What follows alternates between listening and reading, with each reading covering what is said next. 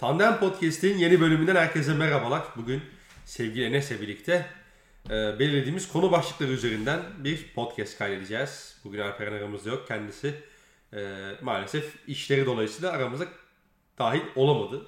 Enes de uzun bir yerin ardından e, malum sakatlığın ardından ilk defa biz de podcast'te. Bro hoş geldin. Hoş buldum. Nasılsın? İyisin inşallah. İyiyim valla. Sen nasılsın? Sakatlık sonrası kendini nasıl hissediyorsun? Ya iyi olacağız. Olacağız. Hani, merak içerisinde. Biz de nasıl olacağımızı merak ediyoruz. Olacağız inşallah. Bakalım şimdi şu dizimizdeki yaralar bir iyileşsin. Göreceğiz kendimizi. Abi halı sahada çapraz bağ koparmak nasıl bir duygu ya? Ya sadece halı sahada çapraz bağ kopartmak değil benimki. Sesim net geliyor değil mi bu arada? Geliyor geliyor onda sıkıntı yok. Ee, sadece çapraz bağ değil benim. Yanic, menisküs. Yani çok, çoklu bir bağ koparmadır söz konusu. Yani bizimki ekstrem bir durum yani. Tek Ya bir çapraz önce- bağ açıklanacak durumda değil diyorsun. Abi öyle bir durum yok zaten. Hani doktor da öyle diyor. Hani böyle bir şey imkansız diyor. Yani. Çok çok nadir olur. Biz çünkü ön çaprazdan kopartırsan sadece dönüyorsun. Yürüyorsun yani. Bir, bir buçuk iki hafta içerisinde yürüyorsun. Benim bugüne bugün 13'ünde oldu. Neredeyse bir ay geçecek. Ben bacağımın üzerine basmam yasak. Yani ameliyattan sonraki süreçte işte ikinci haftaya giriyorum. Ee, hani 6 hafta dedi yani. Daha bir ay falan var. Ekim ayında anca basacağız, yürüyeceğiz. Daha yani yolumuz uzun. Gençliğimiz var da yani. Yolumuz. Bakalım. yolumuz, bay yolumuz bayağı uzun. Çıtır değiliz henüz. Kardeşim her şeyin Göreceğiz. başı, her şeyin başı sağlık. Olan olmuş. Artık yapacak bir şey yok. Ha, Ee, kesinlikle. seni de en kısa zamanda tekrardan e, kramponsuz şekilde özellikle çivili Aynen abi. ke- kramponsuz kesinlikle şekilde halı sahada Halı sahada çevir, halı sahada çelik krampon giymeyi. Yani bu bu iş bana bunu öğretti. Bu minimalde söyleyeceklerim de vardır yani. Sonuç itibariyle çünkü amatör ligler hala sorun içinde. evet. Ve hani belediyeler bu konuda en ufak bir şeyde bulunmuyorlar yani. Ee, kontrolde ya da hani bu süreci takip etmiyorlar. Ha, bugün benim başıma e, kıçı kırık bir halı saha maçında denk geldi. Kimisinin başına şey de denk gelecek yani. Amatör lig maçında denk gelecek. O zaman hani şey de diyemeyecek hocası hocası çocuğa. Yani niye krampon giydin demeyecekler yani. Çünkü amatör ligde hızlanmak istiyorsan, topa biraz daha iyi vurmak istiyorsan giyiyorsun o kramponu. Bizimki de zaten oradan kalkıyor. Dolayısıyla patladık. İşte bu süreci artık birazcık daha haiz olunmalı yani. Suni içim konusunda birazcık daha bilinçlenmeliyiz. Yani sonuç itibariyle amatörde futbol oynuyoruz yani. Gidip dünyayı kurtarmıyoruz. Gidip büyük de futbolcular olmayacağız yani. Yani olabildiğine halı saha giymenin tavsiyesini ben buradan yapayım. Benim başıma geldi. Tamamen o, o yüzden geldi yani. Hiç en ufak bir darbe, en ufak temas yok. Tamamen ondan patladık. Yani olur dinleyenlerimiz arasında halı saha maçı yapanlar vardır. Lütfen krampon giymeyin. Kendi sahanız içinde giyin. Evet bu da böyle eğitici, öğretici bir podcast. Yani hakikaten. aynen aynen. Hani her şerde bir hayır vardır derler ya işte buradaki şerde herhalde bu şerdeki hayır da bu olsa gerek. Benim patlamam oldu. Umuyorum daha da patlayan olmaz şeklinde sonlandırayım bu meseleyi.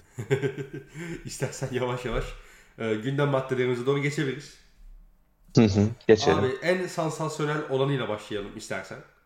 E, hı. Cristiano Ronaldo Manchester United'a geri döndü. E, hı. Bir ara çok muhabbeti döndü işte Manchester City ile anlaştı. City'ye gidiyor işte United şey Manchester yola çıktı. Guardiola'yla birleşecekler vesaire derken bir anda gün içerisinde aynı gün içerisinde bu sefer United'la anlaştığını e, City işin olmadığını öğrendik ve bir anda e, Cristiano Ronaldo birçok insanın da e, ortak fikri olacaktır. Yuvasına geri döndü.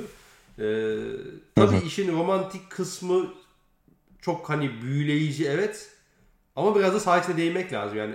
E, bu United takımına bu Ronaldo'yu yakıştırıyor musun sen? Ya Ro- Ronaldo her takıma yakışır ki. Ronaldo'nun yakışmayacağı takım yok. Ya zaten Manchester City'nin aslında talebi varmış. Hani Manchester City zaten biliyorduk şey arıyordu. Bir doğal 9 arıyordu çünkü doğal 9'ları yok bu sezon. Anlıyoruz ki birazcık daha Ferran Torres oraya oynayacak. Ama hani Gabriel Jesus hoca net bir şekilde orada düşünmüyor. Ki Gabriel Jesus da zaten oradan ziyade sağ kanatta acayip bir performans yapıyor.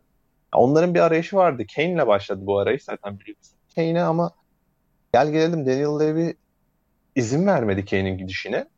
E, gidişine izin vermediği gibi Tottenham'ın zaten Harry Kane'in gidişine ihtiyacı da yoktu şey itibariyle. Finansal tabloları itibariyle son bir Levy'nin galiba başkanlığı çerçevesinde bakıldığı zaman 5 büyük lig içerisinde artı hanede olan ve en üstte olan takım Tottenham Hotspur. Dolayısıyla bu başarısızlık hani bu kupa kazanamama serisinin içerisinde adamlar hala o finansal tabloda stat yapmalarına rağmen artı haneleri zorladılar. Yani stat yapmak Tottenham'ın rebuilding yapmasına ya da bu sezon başında Mourinho, yani takım başına Mourinho'yu getirmekte alıkoymadı. Sonrasında gidip Nuno Espirito Santo'yu getirip Cristiano Romero'yu almasına engel olmadı. Brian Gil almasına engel olmadı. Hani bu takım hala transfer yapabilecek düzeyde bir şey de var. Ekonomik tablosu da var. Dolayısıyla Harry Kane'in gidişine izin verip vermemek tamamen Daniel Levy'nin şeyine hani iki dudağının arasından çıkana kalmıştı. Ondan dolayı Manchester City Harry Kane fiti olmadı. Yani orada Daniel Levy ne isterse olacaktı. Çünkü Daniel Levy de dedi ki 160 milyonu verirseniz alırsınız. Yani Manchester City pazarlığa da otursa Daniel Levy'nin eli çok güçlü yani. Kimse Levy'yi şey bağlamda suçlayamaz. Ekonomik bağlamda suçlayamaz. Çünkü takım stat da yaptı. Takım gitti şey de yapıyor. Rebuilding de yapıyor. Mourinho'yu da getiriyor. Yıldız da oynatıyor. Ama takım ekonomik olarak en iyi düzeyde yani bu takımın başkanını hiçbir şekilde eleştiremezsin ki ilk 3 haftada da 3 galibiyetle hani elini kuvvetlendirmeye devam ediyor Tottenham. Dolayısıyla Manchester City'nin de bu piyasadan en çok istediği adamdı Harry Kane. Yani baktığın zaman Guardiola ne istiyor? Deneyin dediği zaman hem stoperini alsın gelsin, yüzünü döndüğü zaman pasörlüğünü yapsın. Ya bir de gol atsın istiyor yani. yani üç tane özellik istiyoruz totalde. Yani daha fazla şey istiyordur elbette de. Hani bununla düşünce izah edecek seviyede değilimdir.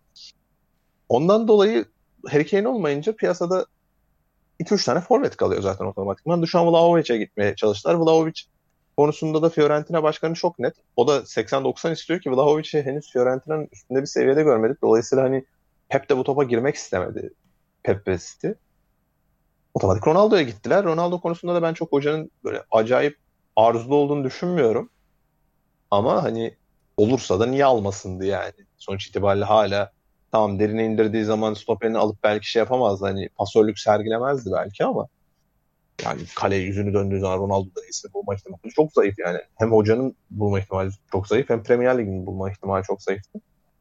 O açıdan fena olmayan bir fit olabilirdi ama dediğim gibi yani çok da arzulu değillerdi. Manchester United'a gelmesi her açıdan yani romantik açıdan çok mutlu etmiştir insanları. United'ın ama elinde forvetleri vardı yani. O bölgeye atabileceği çok fazla vardı. Zaten aslında 2-3 tane de eleştiri vardı bu bağlamda Manchester United'ın geçtiğimiz sezonlarında. Çünkü Mason Greenwood aslında sağ kanat oyuncusu değil. Bildiğiniz dümdüz natural bir dokuzdu yani doğal bir dokuz oyuncusu Mason Greenwood. Keza Martial de sol kanattaki aktivasyonu günden güne düşmeye başlamış. Dolayısıyla ister istemez bir forvet evrilmişti. Ondan sonrasında Edinson Cavani ile birlikte ya bambaşka bir forvet hattı vardı aslında Manchester United. Ya tamam çok heyecan verici. Evet çok romantik.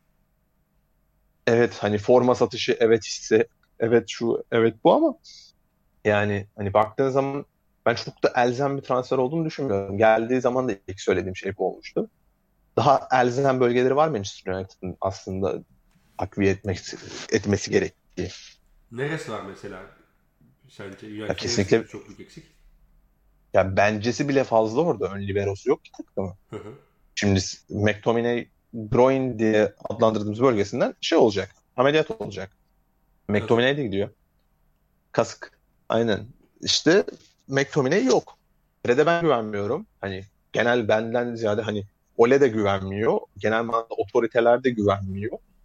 Ee, ben orta sahada ikinci bir oyuncu atacağım zaman Pogba'yı oraya çektiğimde Pogba'yı mutlu edemem bu bir. İkincisi Pogba'yı hani o konfor alanını sağlayamadığım zaman Pogba bana eksi yapmaya başlıyor. Dünyanın en uzun, defansif katkıda koyabilen zaman zaman. Ayağına top geldiği zaman belki de en şık orta sahalarından birisi. Ama o konfor alanını vermezsen merkez orta sahada rakiple cebelleşti, cedelleştiği zaman e, rahatsız olacaktır yani. Pogba'yı oraya çektiğim zaman Pogba bu rolü oynadı. Çokça oynadı. Ama Pogba bu rolü hiçbir zaman 10-12 maç üstünde oynayamadı.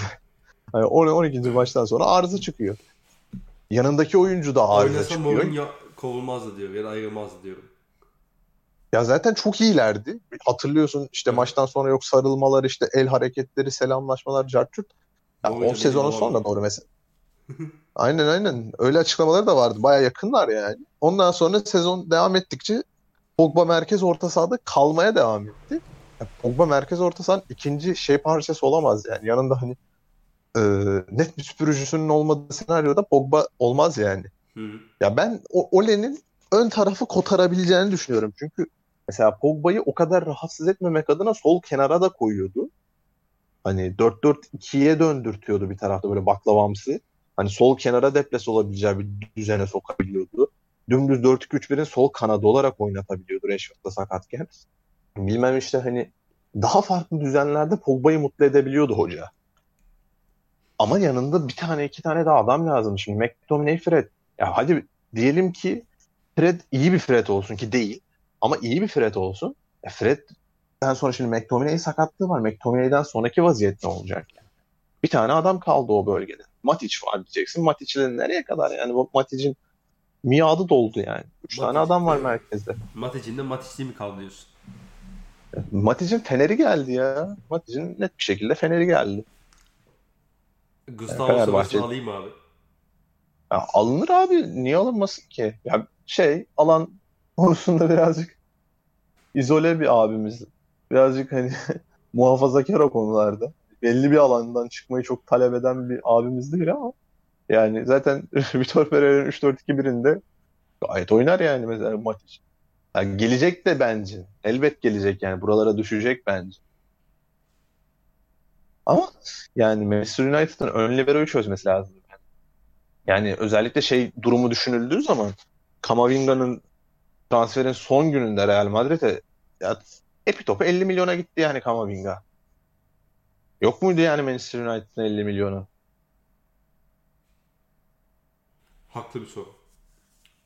Ya bunlar bütün transfer dönemi Kamavinga'nın peşine koştu. Tamam bir iki tane daha isim vardı ekstra. Hani şey diyebilirlerdi insanlar. Declan Rice diyebilirlerdi. Tamam Declan Rice'ı bırakmıyor West Ham United'ın şeye. Ucuza vermeyecek. Çok net yani. 90-100 istiyor.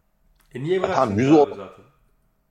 Ya, ya oyuncu isteyebilir bir noktadan sonra. Oyuncu demek isteyebilir. Hani ben artık birazcık daha top club'lardan, yani top kulüplerde oynamak istiyorum. Ben şampiyonluk kazanmak istiyorum. Ben kupa kazanmak istiyorum diyebilir. Ama hani onlar da zaten bu durumun farkında olarak oyuncunun da potansiyelinin farkında olarak diyorlar ki 100 milyon. Hani tam 100 milyon olmayabilir Manchester United'ın ama Ma- Manchester United gidip de Ronaldo'ya 30-32 verip bir de üstüne hani yıllık maaşıyla birlikte 50 milyonlara çıkacaksa ya totalde Kamavinga'ya ödeyeceği yıllık bir ücreti öde- ödeyecek yani. Ren- Rennes'de gidip şey ödemiyor. Real Madrid totalde böyle inanılmaz miktarlar ödemiyor. Yanlış hatırlamıyorsam bonuslarıyla bonuslarıyla 55 falan geliyor olması lazım. Hani öyle net bir miktar yani.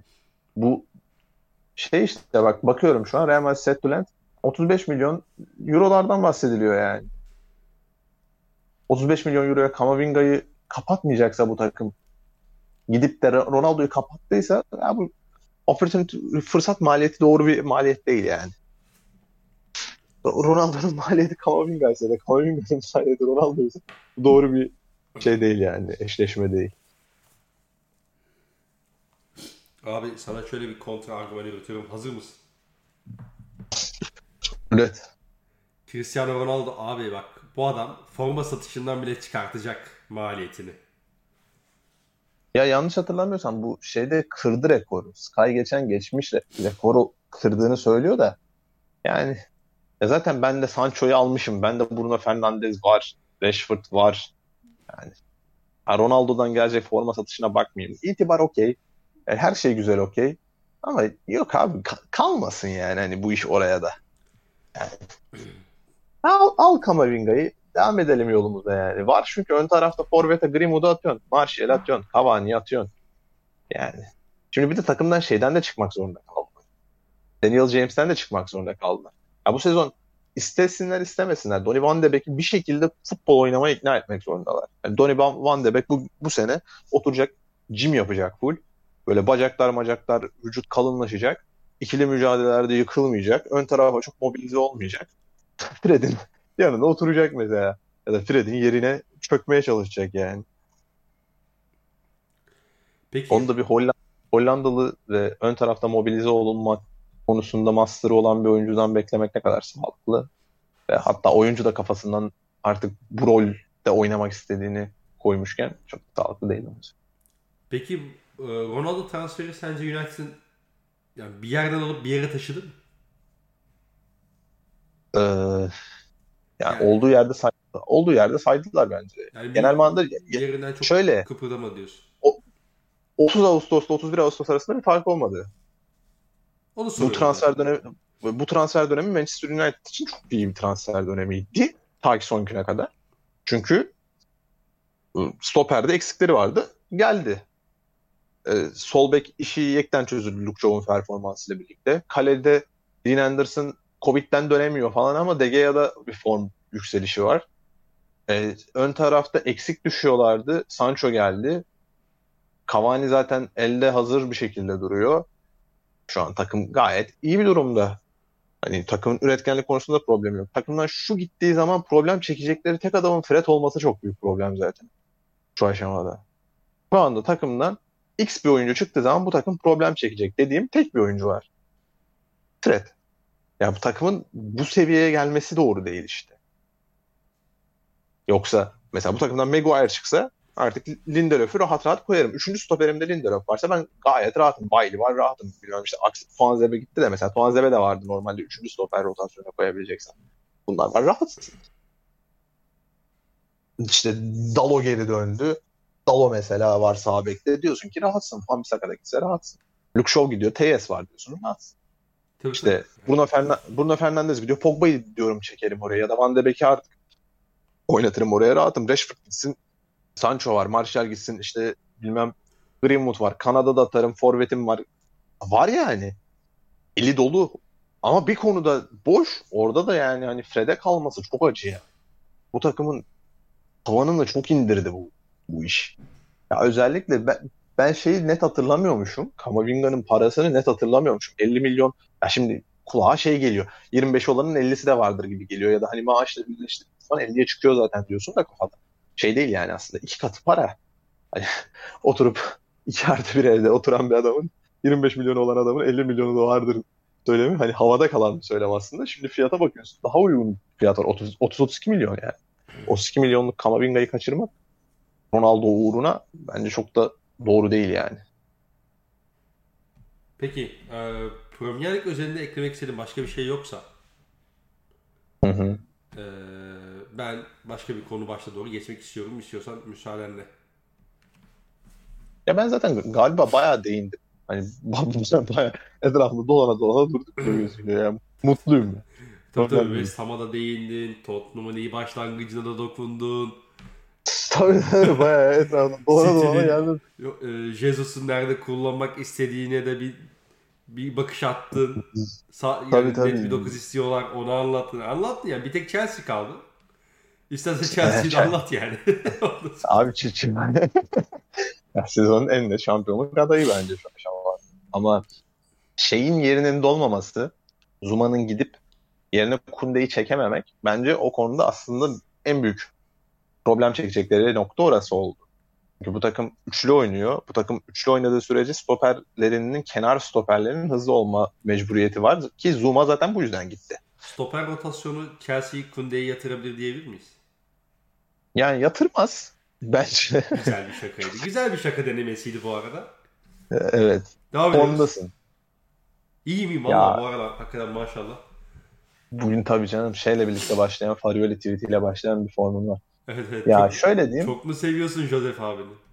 Aynen. devam da sürdürüyor. Ya şöyle Şimdi kenar stoperlerinde Chelsea'nin bir tarafta Aspilicueta bir tarafta Rüdiger. Aslında yazdığın zaman Thiago Silva, Rüdiger, Aspilicueta yazıyorsun. Hı hı. Ama burada alternatifim Christensen olduğu zaman ben burada çok büyük problem çekiyorum. Neden burada büyük bir problem çekiyorum? Kenar stoperim Christensen olursa benim. Geçmiş olsun. Geniş, geniş alanda yakalanıyor. West Bromwich Albion maçının geçtiğimiz sezonki o felaket bir West Bromwich Albion maçı oynadı geçtiğimiz sezon Chelsea Şampiyonlar Ligi şampiyonu olmadan önce 4 tane yediler. Hı. O maç Christensen sağ kenar stoperdi. Geniş alanda yakalandı. İşte bilmem Cagne merkez stoperi hafif çektikçe kanat oyuncuları devamlı kalmaya başladılar yani şeyle birlikte Christensen'le birlikte ki Christensen'in geniş alanda problem yaşadığını Danimarka milli takımı da görmüş olacak ki. Yanlış hatırlamıyorsam Galler, Galler maçıydı. Maça üçlü başladılar. Tam ona değecektim. Felak, felaket bir ilk 20 dakika. Yani Daniel James geliyor, Gareth Bale geliyor. Yani herkes o tarafa deplase oluyor. Kiefer Moore geliyor, Kyrie alıyor. Christensen'le baş başa bırakıyor kanat oyuncuları. 20 dakika felaket geçti. 20. dakikada artık hocası anlamış olacak ki Christensen'i çekti merkeze. Dörtlü bir savunma sistemi oturttu. Christensen de dedi ki hani sen şey oyna, deep holding oyna. Yani derinde tutucu bir orta saha olarak oynuyor bunu. O zaman kaleden uzaklaştırdı. Gayet hani kesici bir rolü var. Zaten ayağı tertemiz. Hani bir gün Chelsea'ye gelebiliyorsa zaten muhteşem bir ayağı var yani. Tertemiz bir ayağı var. Ondan kaynaklı buraya çekti. Kurtardılar. Ama sezon içerisinde oldu Aspilicueta'ya bir şey oldu. Aspilicueta'ya bir şey olması demek hocanın artık şey tercih yapması demek. Christensen ya da Reece James'ten ikisinden birini sağ stoper yapması demek. Sağ stoper yaptığı senaryoda da bu Chelsea bu kadar önde oynayacak artık. Çünkü kuvvetlendiler yani. Gitgide kuvvetlendiler. Bu, takım geride beklemez daha fazla. Ya geride de bekleyebilir de yani beklemez artık. Oyunu dikte edecektir. Yani gidip de daha da şey yapmayacak yani. Werner Pulisic ile bir tane forveti o tarafa şey yapıp stoperi yerinden edip kenardan delmeye çalışmayacaktır. Çünkü bu problemler, yani bu hücum planı çok da sürdürülebilir bir plan değil. Sonuç itibariyle rakipler Havertz'i takip etmedikleri senaryoda defans üçlü oynayınca bu oyuncular da araya kaçamayacaklar yani. Top da bırakacaklar Chelsea. Bugün Lukaku transferinin aslında hani genel manada maksadı da bu. Ben artık topu aldığım zaman elimin güçlü olması. Ama ben topu bu kadar aldığım senaryoda benim savunma çizgimin de önde olduğunu düşünürsek sağ kenar stoperinde Aspilicueta'nın en azından devre arasına kadar sağlıklı kalması lazım. Kunde'nin çünkü az çok gitme isteği varmış. Hani o konuda ısrarı var. Monchi ben o transfer için bana istenen bütçeler gelmezse yapmam vermem diyor. Hı hı. Ama yine de yani kim ne derse desin oyuncu gitmek istiyorsa genelde bir şekilde hani o anlaşmayı kopartıyor yani. Kendi maaşından şey yapıyor bilmem performansı düşüyor falan. Sen Tabii istemiyorsun zaten. Mesela Miguel Beşiktaş'a gelmek için maaşının yarısını bırakmış abi Barcelona'da. O ne kadar saçma bir açıklama ya. şey, ya o hakikaten felaket geleceğiz, açıklama geleceğiz, ya. Geleceğiz birazdan geleceğiz. Neyse tamam ben, ben Chelsea anlatmak istiyorum. Chelsea'nin stoper, stoper rotasyonu sağlıklı kalabilirse. Çünkü bir de sol ka- kanat bekleri var yani. Sol kanat bekte Marcus Alonso. Bunun alternatifi yok yani. O iki bölge birazcık problem. Ki onlar da hani o işi Saul'ü belki oraya çekebilir hoca. Hiç görmediğimiz bir şekilde. Ben direkt merkezde ya da hani merkez iki pivot ya da forvet arkası ikili de düşündüğünü zannetmiyorum. Çünkü Saul iki profile de uymuyor. İki profilden zaten birine uysaydı Atletico Madrid'in onu 5 milyon euro bir kiralama bedeliyle elden çıkartmasını beklemezdik zaten. Ee, ondan dolayı ben hani genel manada bir beklentim var. Yani stoperlerinden Aspilicueta'nın gittiği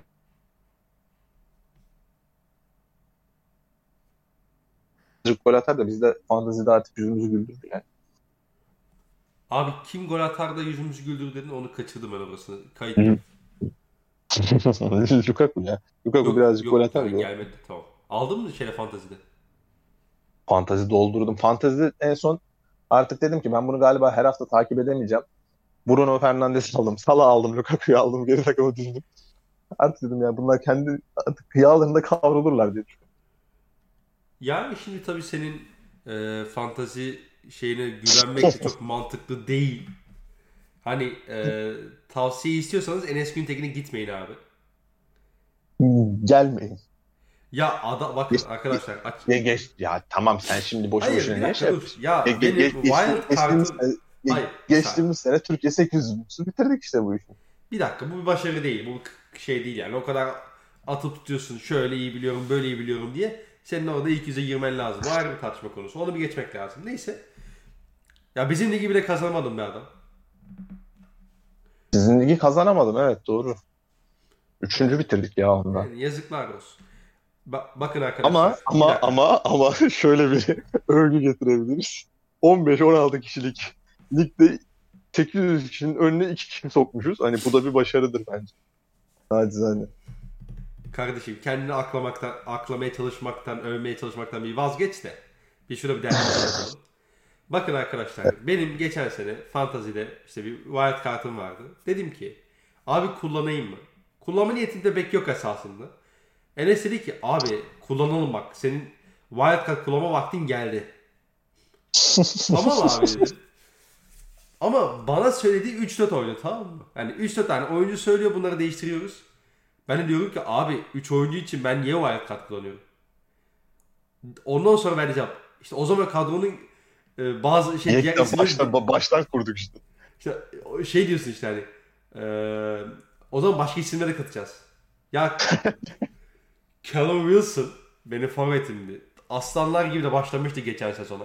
Atıyordu, attırıyordu. Yani tabelada Callum Wilson ya gol ya asist yazıyordu abi.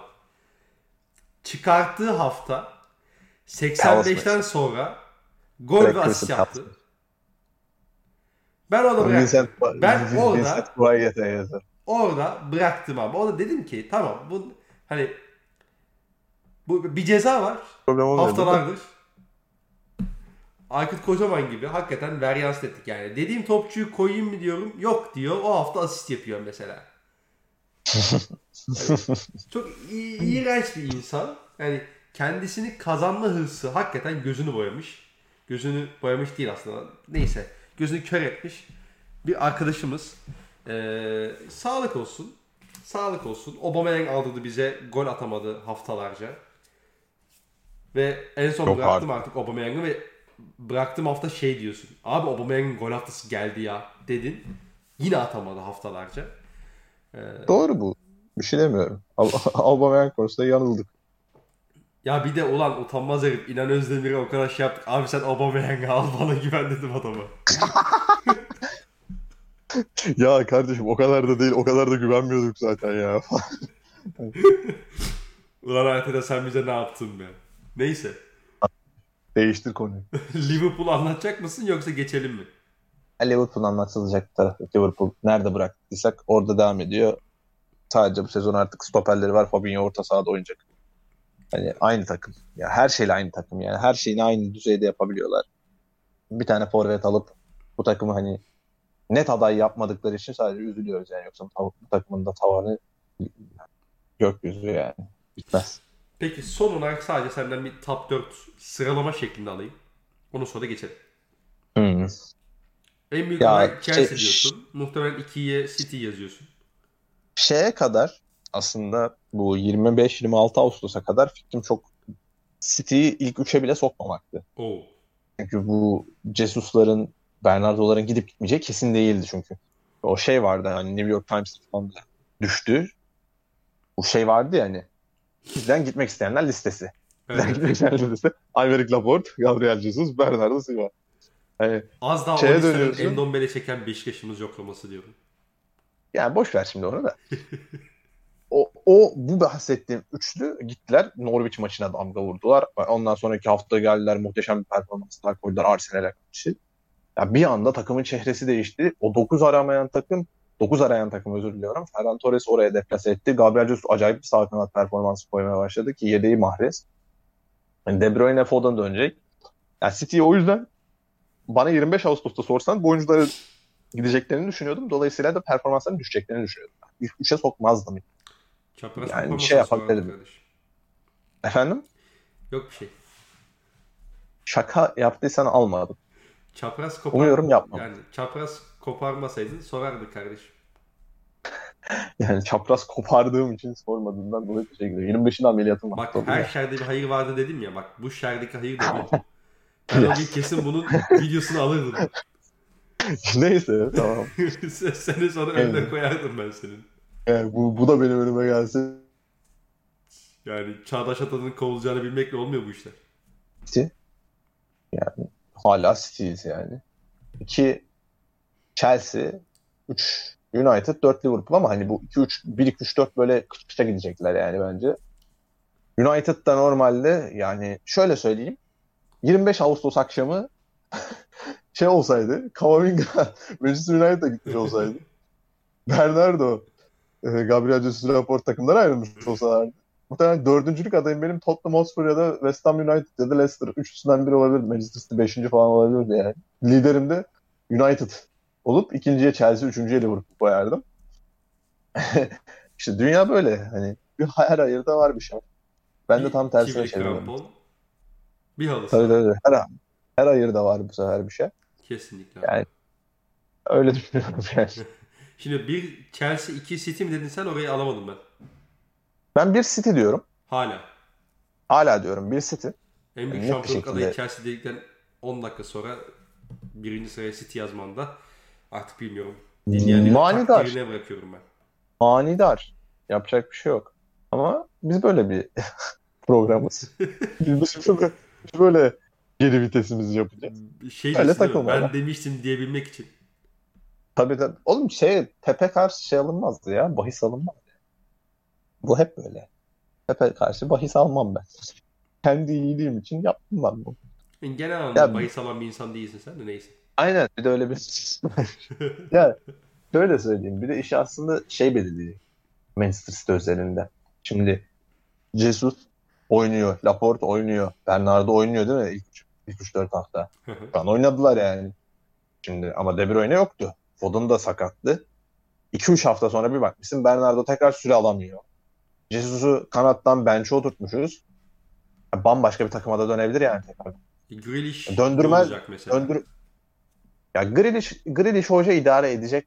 Bence ilk haftadan sonraki karar yani merkez orta sahadan kanada taşımak dahi hocanın aslında benim artık kafamda bir şeyler canlandı. Ben uyandım demesi gibi uyandırıyor bana yani.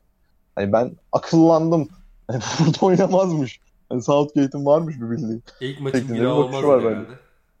Ya tabii canım ilk maçın günahı oldu aslında ya. Nuno Espirito Santo bence bayağı günah çıkarttırdı yani kendisi. Burası da bizim günah çıkarma kabinimiz. Tabii.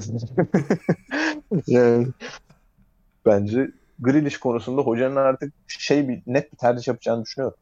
Yani Grealish'in şey bir noktaya gideceğini düşünmüyorum. Problem bir noktaya gideceğini düşünmüyorum. Normalde aslında probleme açık bir noktada ama ben o noktaya taşıyacağını düşünmüyorum. Yani Bernardo'nun gelişi oyunun tekrardan farklı bir noktaya taşınışı Hı hı. ve Gabriel Jesus'un acayip bir sağ kanat performansı.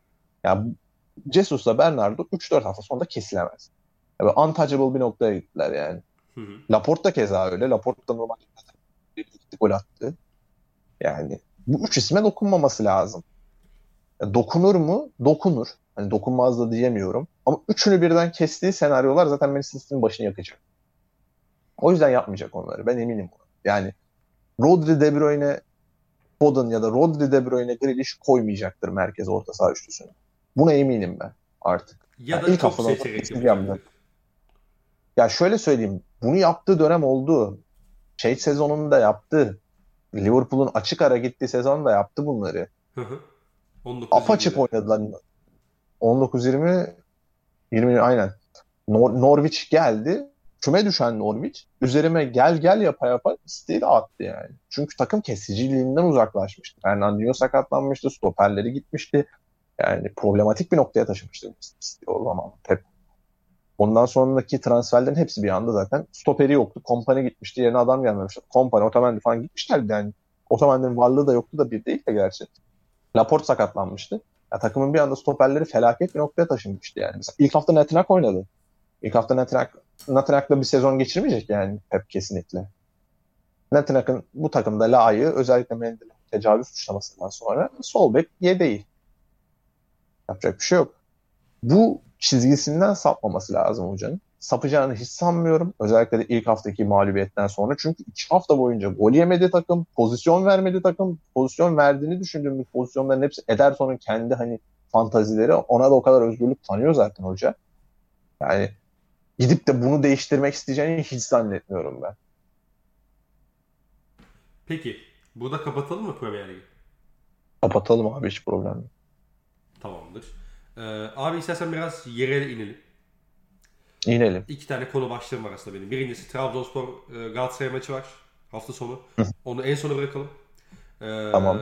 İkincisi de aslında son dönemdeki transfer hareketliliği diye diyebiliriz. Yani biz e, Space odası falan bir de açmadık hani senle diyeyim en azından ya da işte Alperen'le. Hı Çok hı. Pjanic konusunu konuşamadık. Öncelikle senden bir Pjanic yorumu alayım. Ee, geldiği günden itibaren hani nasıl bir fikir oluşturuyor sende? Beşiktaş'ın bir orta saha rotasyonunun en azından hani işte yabancı oyuncu problemi yaşayan, yerli oyuncu problemi daha doğrusu yaşayabileceği hal- haliyle sorulmaya başlayan bir soru oldu. Ee, işte üç yerliyi nasıl yapacak vesaire diye. İki tane soru var. Birincisi Beşiktaş Pjanic'ten önce ve sonra Şampiyonlar Ligi'nde nasıl bir konuma geliyor sence? İkincisi Pjanic Beşiktaş'ın ihtiyaçlarına kalitesini bir kenara bırakıyorum. Profil olarak hı hı. E, ihtiyaçlarını karşılayan bir oyuncu. Ya Beşiktaş'ın ön altılısından bahsediyorum. Dörtlüyü ayırıp altısında aslında şeye ihtiyacı yoktu bence. Çok net bir ekleme ihtiyacı yoktu. Hı hı. Yani bu ekleme olacaksa Getson şeklinde hani böyle uçuk bir profil. Hani böyle hani eline kolay kolay gelmeyecek. Böyle farklı hücum çeşitliliği katabilecek. Yani kendi cebinden, kendi silahı olan bir merkez orta saha oyuncusu olabilirdi. Ya da Pjanic kadar böyle hani elit düzeyde kalibrede böyle bir adam düşerse önüne alırsın. Böyle adamlar alması gerekiyordu Beşiktaş'ın. Ya çünkü geri kalanı israf, yabancı hususunda bahsediyorum. Yerli de şey dersin hani rotasyonumu kuvvetlendirsin diyebilirsin. Yani şey için söylüyorum. Ozan Tufan'ın bir ara gündeme gelmesinden ötürü hı hı. söylüyorum bunu. Ya da ortalama bir yerli de olabilir diye. Hani vasat bir yabancı ihtiyacı yoktu Beşiktaş'ın. Vasat bir yerliyi ama gönül rahatlığıyla kapatabilirdi. Bunu da kimse de eleştirmezdi. Ee, Pjanic Beşiktaş'a ne getirir? Pjanic'in getiremeyeceği şey yok aslında bu lige ve genel manada Avrupa futboluna. Yani bugün Paris Saint Germain'in orta sahasındaki eksiklere binaen şey denilebilirdi. İşte İdris Aganagay yanına fit edilmiyor kimseyle. İşte takım içerisinde yok. Andre'den geçti. İşte Paredes zaten o profilde bir adam değil. Ganagay'in yanına ya da Danilo'nun ya da Paredes'in yanına bir tane de top yapabilen orta saha koymak istiyoruz. Kimi koyalım, kimi koyalım? Verratti de sakatlanır makatlanır. Pjanic diyebilirdi Paris Saint Germain. Böyle bir adam Pjanic. Yani, Pjanic ama genel manada aslında hani kafada bir şeyler oluşturmak istiyorsak biraz yumuşak ama biraz bu kadar yani hani bunun ötesinde değil. Bu sertliğin yekten sağlanabildiği noktada zaten hani Modric de benzer oyuncu. 6'yı da 8'i de 10'da oynuyor ikisi de. İkisi de yanında belli bir hamle sertliği arayan isimler. Ve bu hamle sertliğini edindiklerinde tutulmaz bir oyuncuya dönüşüyorlar yani hücum katkısı veriyorlar, oyunu kesiyorlar, oyun dikte ediyorlar, sağdan alır, sola çevirir, baskıda derine indirirsin, topu çıkarttırır. Ya yapamayacağı iş yok ki Piyan için. Ya bu Piyan için genel manada Beşiktaş'a kattığı şey hali hazırda edinmiş olduğu o e, yüksek oranda toplu oyunu biraz daha kuvvetlendirmesi olacak. Ama Beşiktaş'ın zaten temel manada bugüne kadar ilk 4 haftalık periyottaki problemi zaten topu yeterince edinememesi.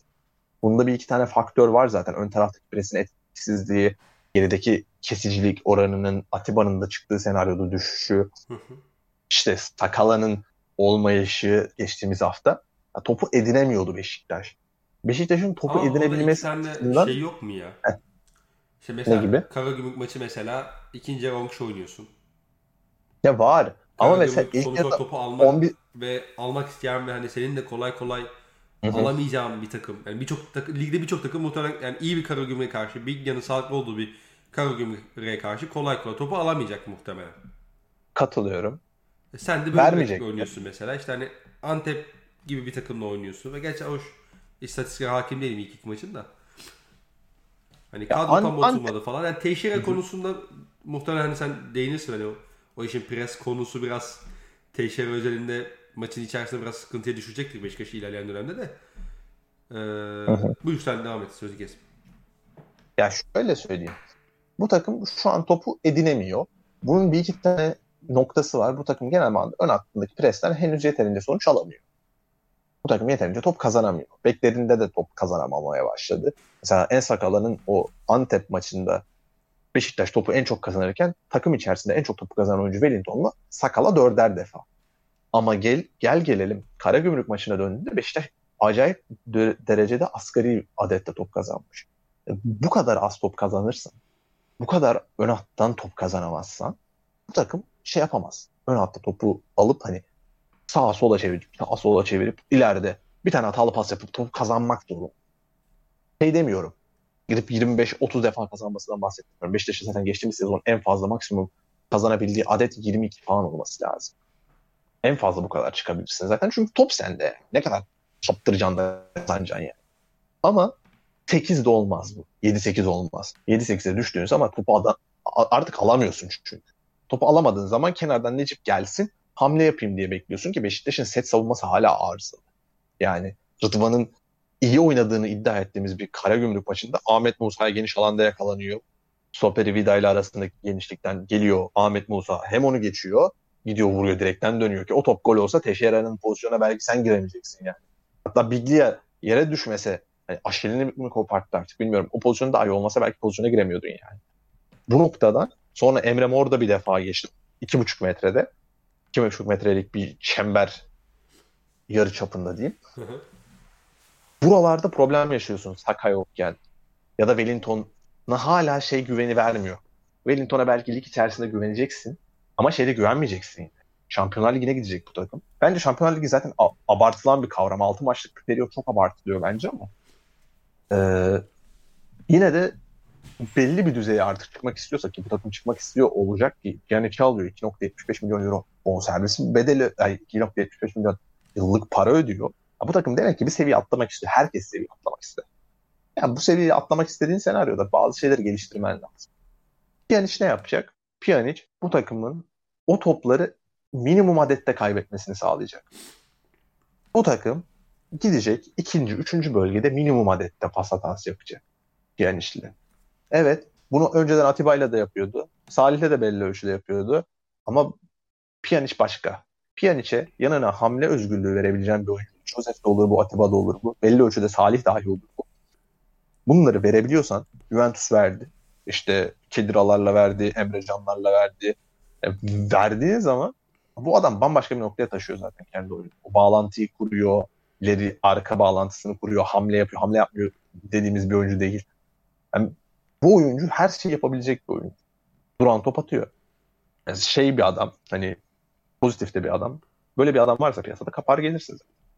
O açıdan yani, yani için getirecekleri bunlar. Ama Beşiktaş'ın peki ihtiyacının aslında net net olduğu kısımlardan birisi bu muydu?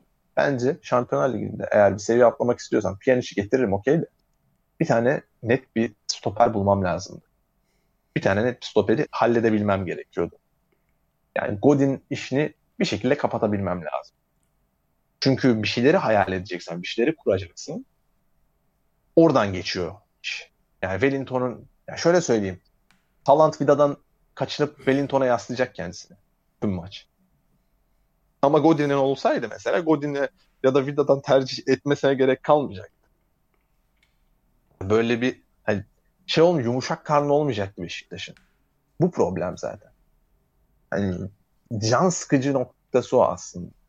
Pjanic oyunun kendi oyununu geliştirmene vesile olacak. Yani topu aldığında daha aktif olacaksın.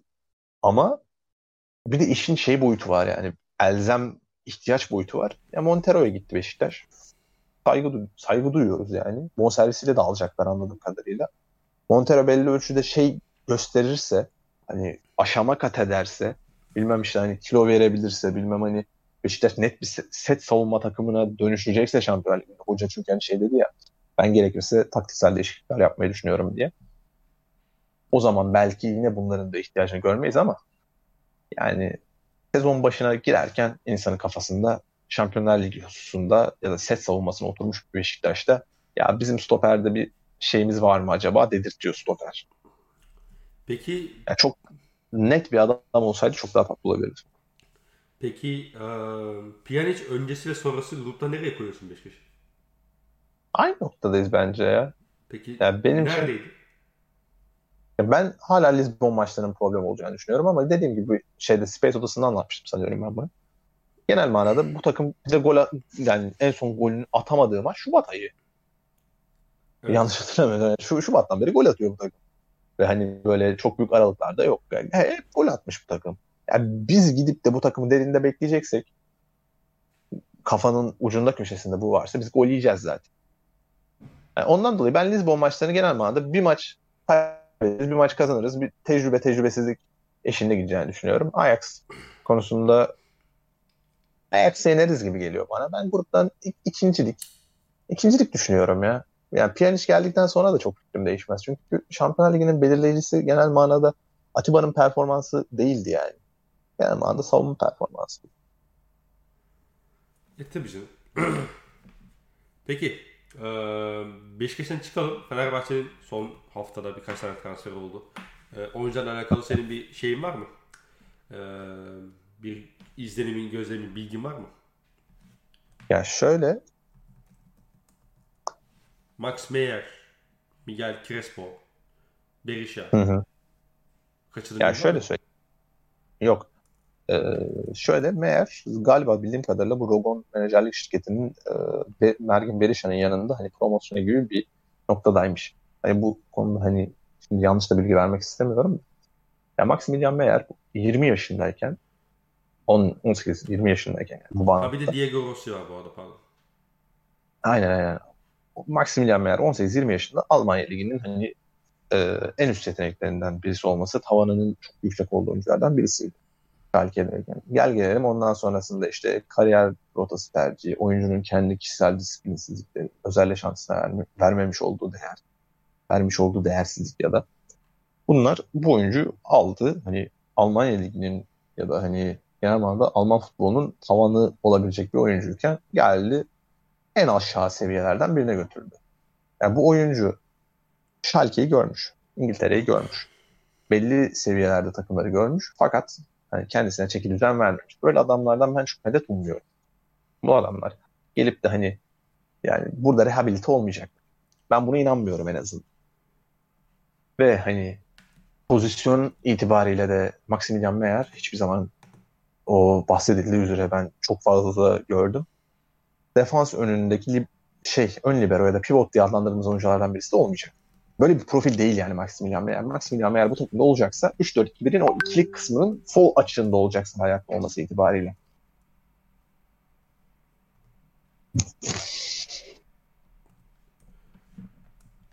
Abi çok ufak bir mesaj geldi ona baktım da. Senin var Meyer dışında eklemek istediğin bir şey var mı? Yani şöyle ben Rossi'ye hakim değilim. Rossi'ye de hakim değilim. Berisha'ya da çok hakim değilim. Ama bu oyuncuların ikisinin de scouting reportlarına ben baktığım zaman şunu görüyorum. Özellikle e, Ros- Rossi konusunda çok net değilim. Çünkü Amerikan Ligi'nde biraz daha savunmalar keten elma şeklinde takılıyor. Buna karşı çıkan da olacaktır. Süper Lig sanki çok mu kaliteli diyen de olacaktır vesaire. vesaire. Ama burada bir nebze dahi olsa buradaki hocalar artık şuna teşneler. Ben Fenerbahçe'nin karşısına çıkıyorsam Fenerbahçe'ye bırakacağım. Dolayısıyla ben %35'lik, %32'lik, %30'luk futbol oynama dilimine artık teşneyim. Ben burada bu futbolu oynuyorum. Yani bugün Fenerbahçe Sivas'a gidecek. Kadıköy'de oynayacak. Bu hafta sonunda 12'sinde galiba yanlış bilmiyorsam. Rıza Çalınbay yıllardır bu oyunu oynuyor. %35 oynuyor. Ondan dolayı şey değil yani. Diğer Amerika'daki hocalar henüz %35'i Rıza Çalınbay kadar oynatmıyorlar. Ya da bilmem Erol Bulut kadar oynatmıyorlar. Oynatmamışlar çünkü. Bu kadar uzun bir kariyer deneyimleri yok. Burada yani saygı gösterirsin göstermezsin. Hikmet Karaman yıllardır %30-%35 bandında futbol oynatıyor futbol takımlarını. Ne kadar yapabiliyor konusunu tartışırız. Ama %100-%35 bandında belli şeyleri dahi oynatabiliyor bu adamlar. Hı. Bu adamlar belli şeyleri oynatmışlar. %30-%35'e teşne adamlar. Dolayısıyla Giuseppe Rossi Giuseppe Rossi değil. Diego Rossi.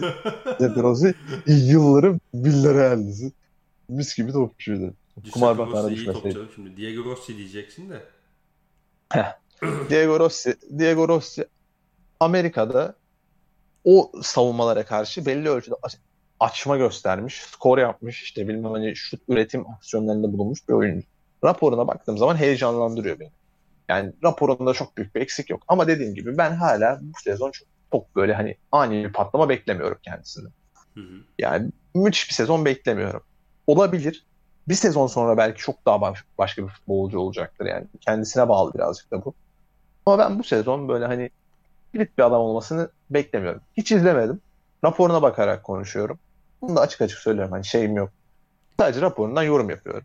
Hani bana diyebilirler yani. Hani kaç defa izledim mesela hiç izlemedim. Abi Raporuna bakıyorum. Skills videosuna baksaydık ya bari. Ya baş ver gerek yok. Ya raporunda çoğu şey ortada ya. Raporun adam diyor ki müthiş bir adette üretim yapıyor. Müthiş bir adette işte şut aksiyonu üretiyor. Ama işte bunları hani birincisi şut aksiyonu üreteceğin bir oyuncu olması lazım takımında. Bilmem hani bu aksiyonların oluşabileceği bölgelerde topla buluşması lazım ve alan açılabilmesi lazım bu oyuncuya. Yani benim tahminim bu sezonu ben adapte olmaya harcayacağını düşünüyorum. Gelecek sezondan itibaren belki de daha iyi olacak. Ama dediğim gibi ben bu sezon çok büyük bir beklentim yok kendisinden. Mergin Berisha konusunda ise ben anlamıyorum hala şey transferini. Bu oyuncunun buraya gelişini anlamıyorum. Çünkü Mergin Berisha dediğimiz oyuncu bitiriciliği var, boyu var. işte sırtı dönük oynuyor, bağlantı yapıyor. İşte defansif aksiyon da sergiliyor. Bu adamın buraya gelişini ben anlamıyorum. Bu herif, bu adam çok heyecan verici. Yani bu şey işte hani bu muamma. her, her şeyde doğru transfer. Yani kağıdın üstünde sonunda her yerinde doğru transfer gözüküyor Berisha. Ama bir bakmışsın sakatlanmış ama bir bakmışsın şu olmuş bu. Bilemem bunu da. Yani oyuncunun profil Fenerbahçe'nin de aradığı profilden parça sunuyor. Ama bence Fenerbahçe'nin zaten temelde en çok aradığı noktaya yaptığı son transfer Crespo işte o defansın önündeki iki pivottan birisi. Çünkü o sezon, bu sezon ne Zayt'la geçer ne Sosa'yla geçer ya da hani tamam belli ölçüde Gustavo götürüyor da iki pivot olduğu zaman Gustavo oynuyor. Çünkü geçen seneki ilk podcast şeyimizde Gustavo kaldığı sürece Fenerbahçe bir adım öteye gidemez diyorduk. Ama çift pivota döndüğü zaman Gustavo oynar. Şu an ama yanına gelecek oyuncu yok. Crespo'yu oraya düşündüğünü söylüyor. Ama benim okuduğum kadarıyla Crespo 4-3-3'ün sol içinde hani 8'imsi birazcık daha üretken bir yapıda oynamış. O zaman da şey sorusunu sorduruyor. Ön tarafta Mesut var, İrfan var, Pelkas var. İşte Rossi geldi. Valencia'yı çekebilirim oraya. Bu kadar oyuncunun olduğu noktada da Crespo eğer merkezin oyuncusu olmayacaksa niye geldi deriz hani merkezin oyuncusu olacaksa da okuduğum kadarıyla dağınık bir oyuncu olduğundan da söz ediyor. Hani hamle, hızlı bir şekilde hamleye giren dağınık oyuncular oluyor. Meder, Flavio işte Trabzon'daki. Bilmem kim var bunun örneği. Necip. Yani böyle bir oyuncu Veli aynen. Hani bu stilde birazcık üretkense dümdüz Veli oluyor bu arada zaten. Abi evet. Veli de topçuydu şimdi. Ya, skoruyla birlikte yani 5 gol 5 asist yapmış Portekiz ikinci ligde. Yani dümdüz Veli yani o zaman oluyor. Ondan dolayı hani omzu, ihtiyaca omzu hitap etmiyor. sakatlanmamış bir Veli Kavlak. Yani Atiba'yı keser mi? Kesmez herhalde. Kesemez. Bilmiyorum. Olga'yı kesmişti. Yani genel manada Crespo vesaireden beklentim yani bence orta saha merkeze net bir oyuncu çözmeye yönelebilirlerdi. Bence ellerinde bir Ozan vardı. Ozan'ı bu kadar değersizleştirmeye hiç ihtiyaçları yoktu. Yani Ozan o merkezin ikinci pivot olarak oynardı yani. Onu birazcık değersizleştirmek, onu birazcık itibarsızlaştırmak, onu birazcık sahanın dışına taşımak, yerlinden çıkmak, yerlinden çıktığın gibi Portekiz 2. liginden bir oyuncuyu o rotasyona sokmak, Zayt'sı o rotasyona sokmak yani bence çok akıl kârı bir iş değil. Yani ben Fenerbahçe yönetiminin sezon başında bu papaz ekibiyle ayrılmasını kararlarını doğru bulmakla birlikte transferin sonuna kadar geldiğimiz noktada ise oradan ayrılıp yeterince aşama kat edebildiklerini düşünmüyorum. Çünkü Vitor Pereira bir oyun oynatıyor. Ama Vitor Pereira'nın oynattığı oyun 3-4-2-1 olması gereken noktada 3-4-0-2-1 gibi oynanıyor. Çünkü bağlantısını sağlamak konusunda acayip zorlanıyor takım 4 ile 2 arasını. Ve o aradaki boşluklardan devamlı artık 2-3 haftadır izliyoruz. Adana Demir koştu koştu geldi. Altay koştu koştu geldi. Üretemiyorlar. Antalya koştu koştu geldi. Antalya Gökdeniz'in top direğin içine çarpsa dışı yerine. Kaybediyorsun yani maçı. Yani kazanamıyorsun bırak. Kaybediyorsun yani. Hatta Fırat Aydınus son dakika şey pozisyonunda başka bir karar verse. Pardon. Ee, neydi? Meler. Halil Umut Meler. Halil Umut Meler şey pozisyonunda e, Fener'in gol attığı pozisyonda başka bir karar versin. Başka bir noktaya gidiyor puan. Yani bunların göz önünde olduğu noktada ben hocaya yekten iyi bir kadro verildiğini düşünmüyorum. Hocanın 3-4 kısmında üçünde dahi problemleri var. Kim Mince güzel transfer ama yine de ben bir sezona çıkarken merkez stoperimin net bir şekilde olmayacağı olacağını inanmak isterim. Salah'ın kenar stoper performansını çok beğeniyorum ama onu da merkez stoper konusunda çok yeterli bulan bir insan değil. Tisserand'ın zaten merkez stoper performansı felaket. Kenarda yükseldiğini. Ama şey değil yani bu. Bu noktaya bırakılmamalıydı. Yani bu takım belli şeyden hani şu anda güzel bir hava yakaladı. Bu net. Hani hocasına rahat rahat insanlar şey de diyebiliyor. İşte vardır Vitor Pereira'nın bir bildiği kasaya döndük hani tüm spor medyası halinde Pereira 3 haftanın sonunda bir hoca takımı yönetiyor şu an. Ama bu takım gelip de dörtlü bölgesinde merkez orta sahalarından bir tane Gustavo'yu kaybetse acayip keten elva bir takıma dönecek. Geçilen, işte kesemeyen, işte top kazanamayan bir takıma dönecek. E ne yapacağız o zaman? Vitor Pereira'ya mı döneceğiz yani? Merkez orta sahada. Ozan'ı niye gönderiyorsun ki? Yerlin yok. Yani bence bu sorgulanmalı. Bu hatalı bir karar. Peki. Yani e, Cres- Crespo da bence oyuncu değilmiş. Yani okuduğum kadarını söylüyorum. Yine izlemedim. Ben 3 transferin ikisini izlemedim. Berisha'yı izledim bir tek. Rossi ile şeyi izlemedim. Crespo'yu izlemedim.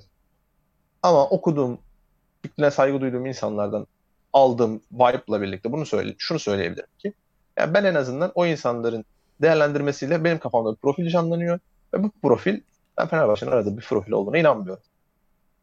Şu anda Fenerbahçe'nin profili Gustavo'nun yanına koyabileceği birazcık top kesecek, ayrıca top kullanabilecek ve hani yaşı itibariyle biraz da genç olması lazım. Gibi oynayacaklar çünkü. Böyle bir oyuncu lazımdı Fenerbahçe. Böyle bir oyuncusu yok takım. Dolayısıyla bu takımın tavanı sınırlandı. O, o yüzden ben ho- hocaya yekten hani iyi bir kadro verildiğini düşünmüyorum. Peki abi eklemek istediğim bir şey yoksa geçiyorum.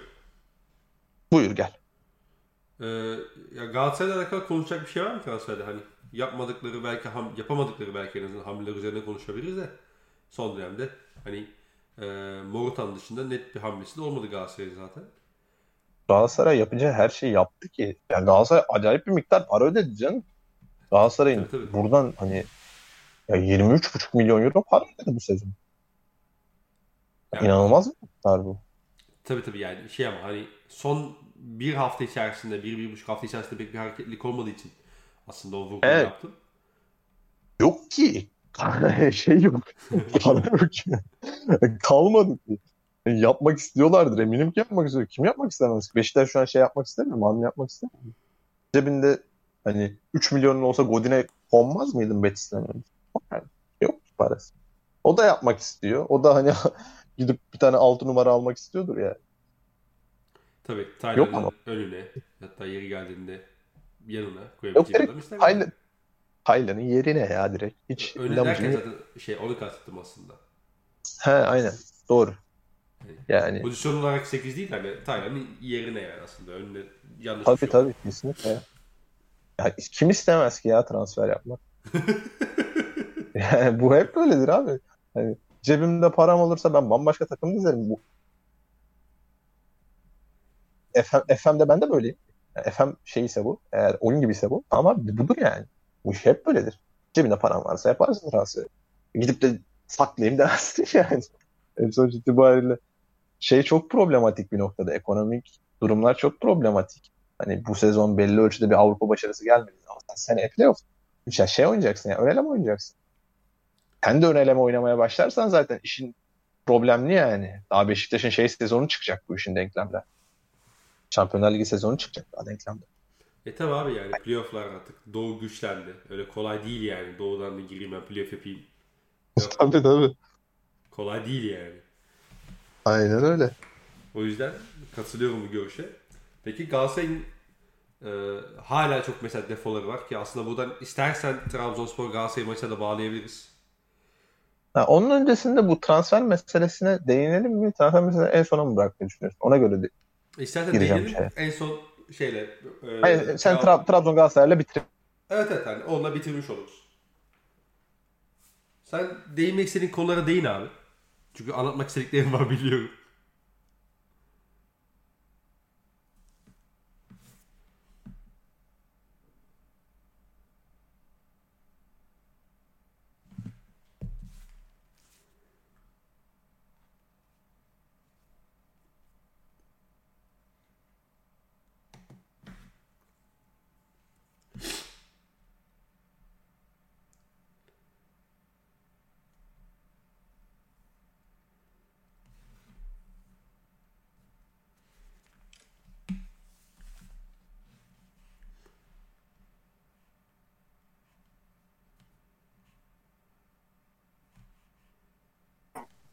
Abi ben bir 15 saniye kadar koptum da.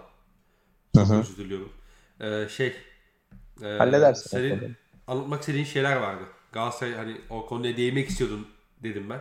Orada koptuk. Sen cümleye giremeden koptuk.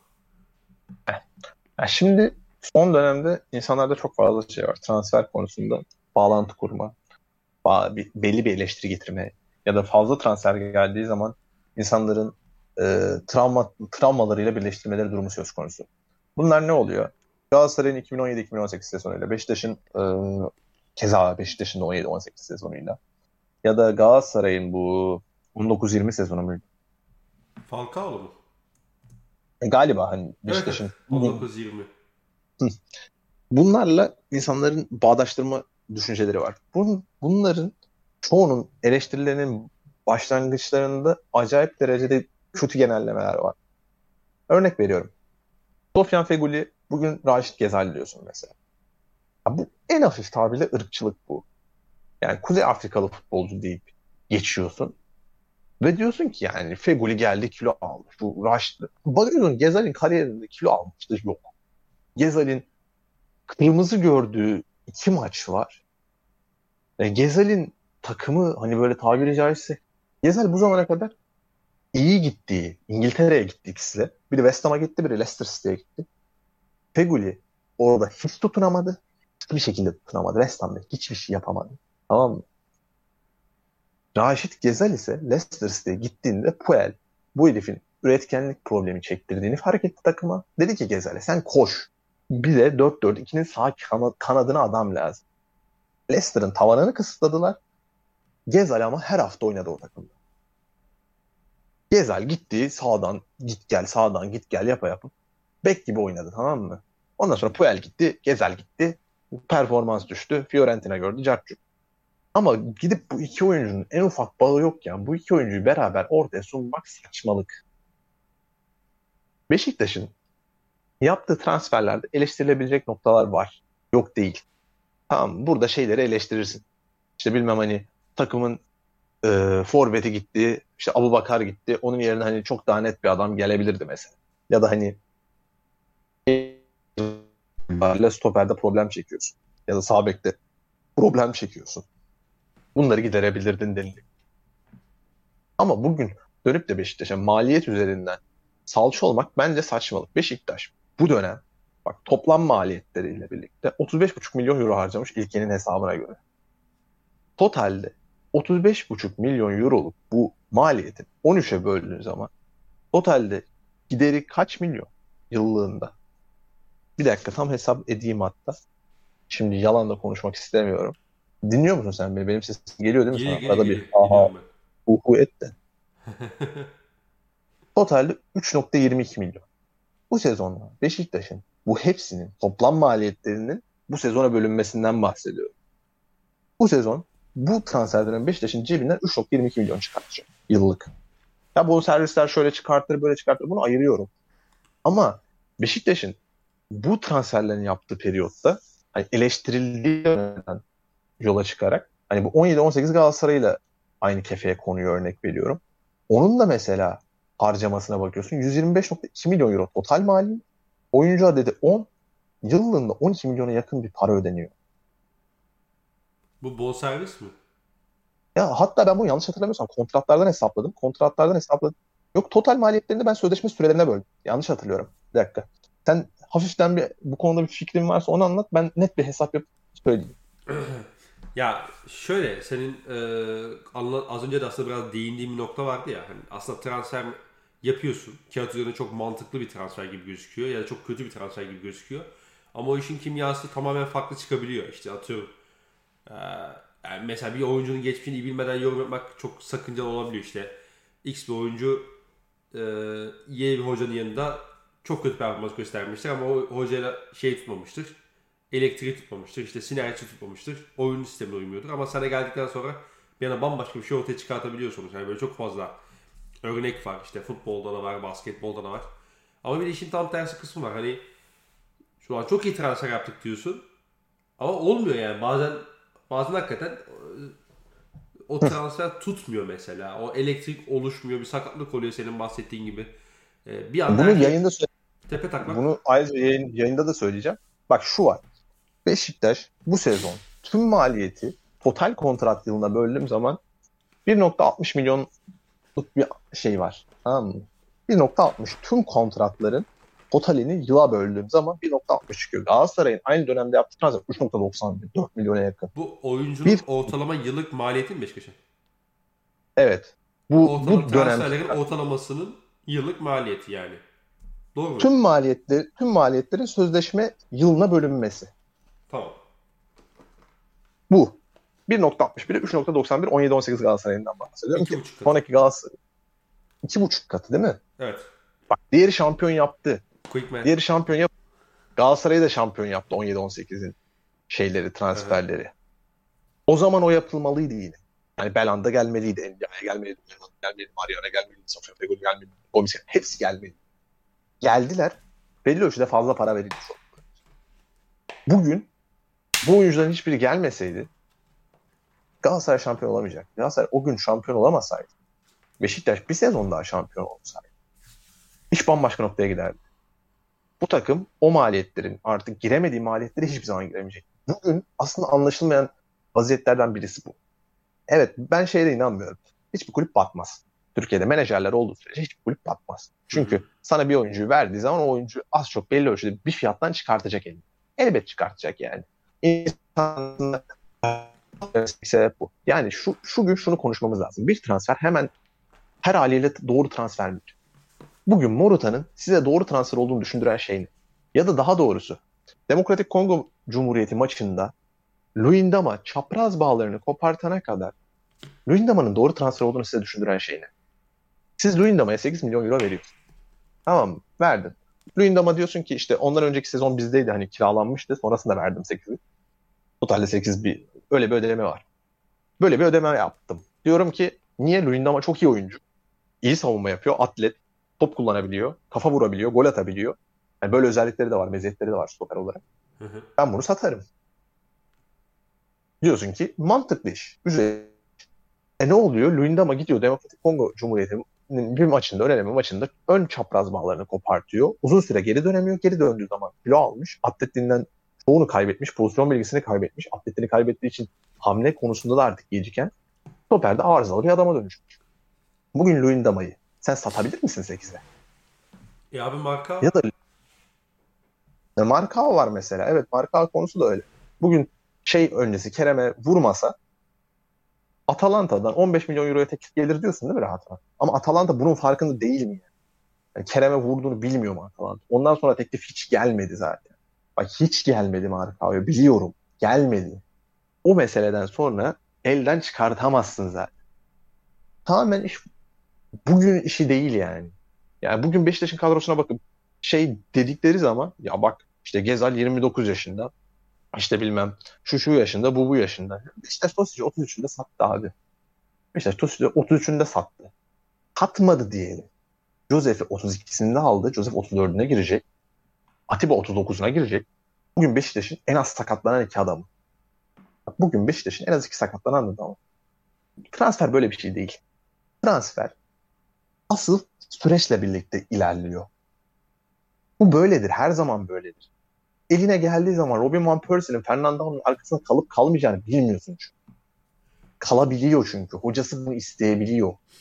Ama sen hocana karışıyorsun. Van Persie oynat diyorsun. Adam Fernando oynatma konusunda ısrarlı. Bir anda soyunma odasının hali vaziyeti değişiyor. Transferi belirleyen şey oyuncunun performansı, sakatlığı ve yönetimin satma talebi isteği transferi doğru transfer yapan şey transferin sonunda belli oluyor zaten.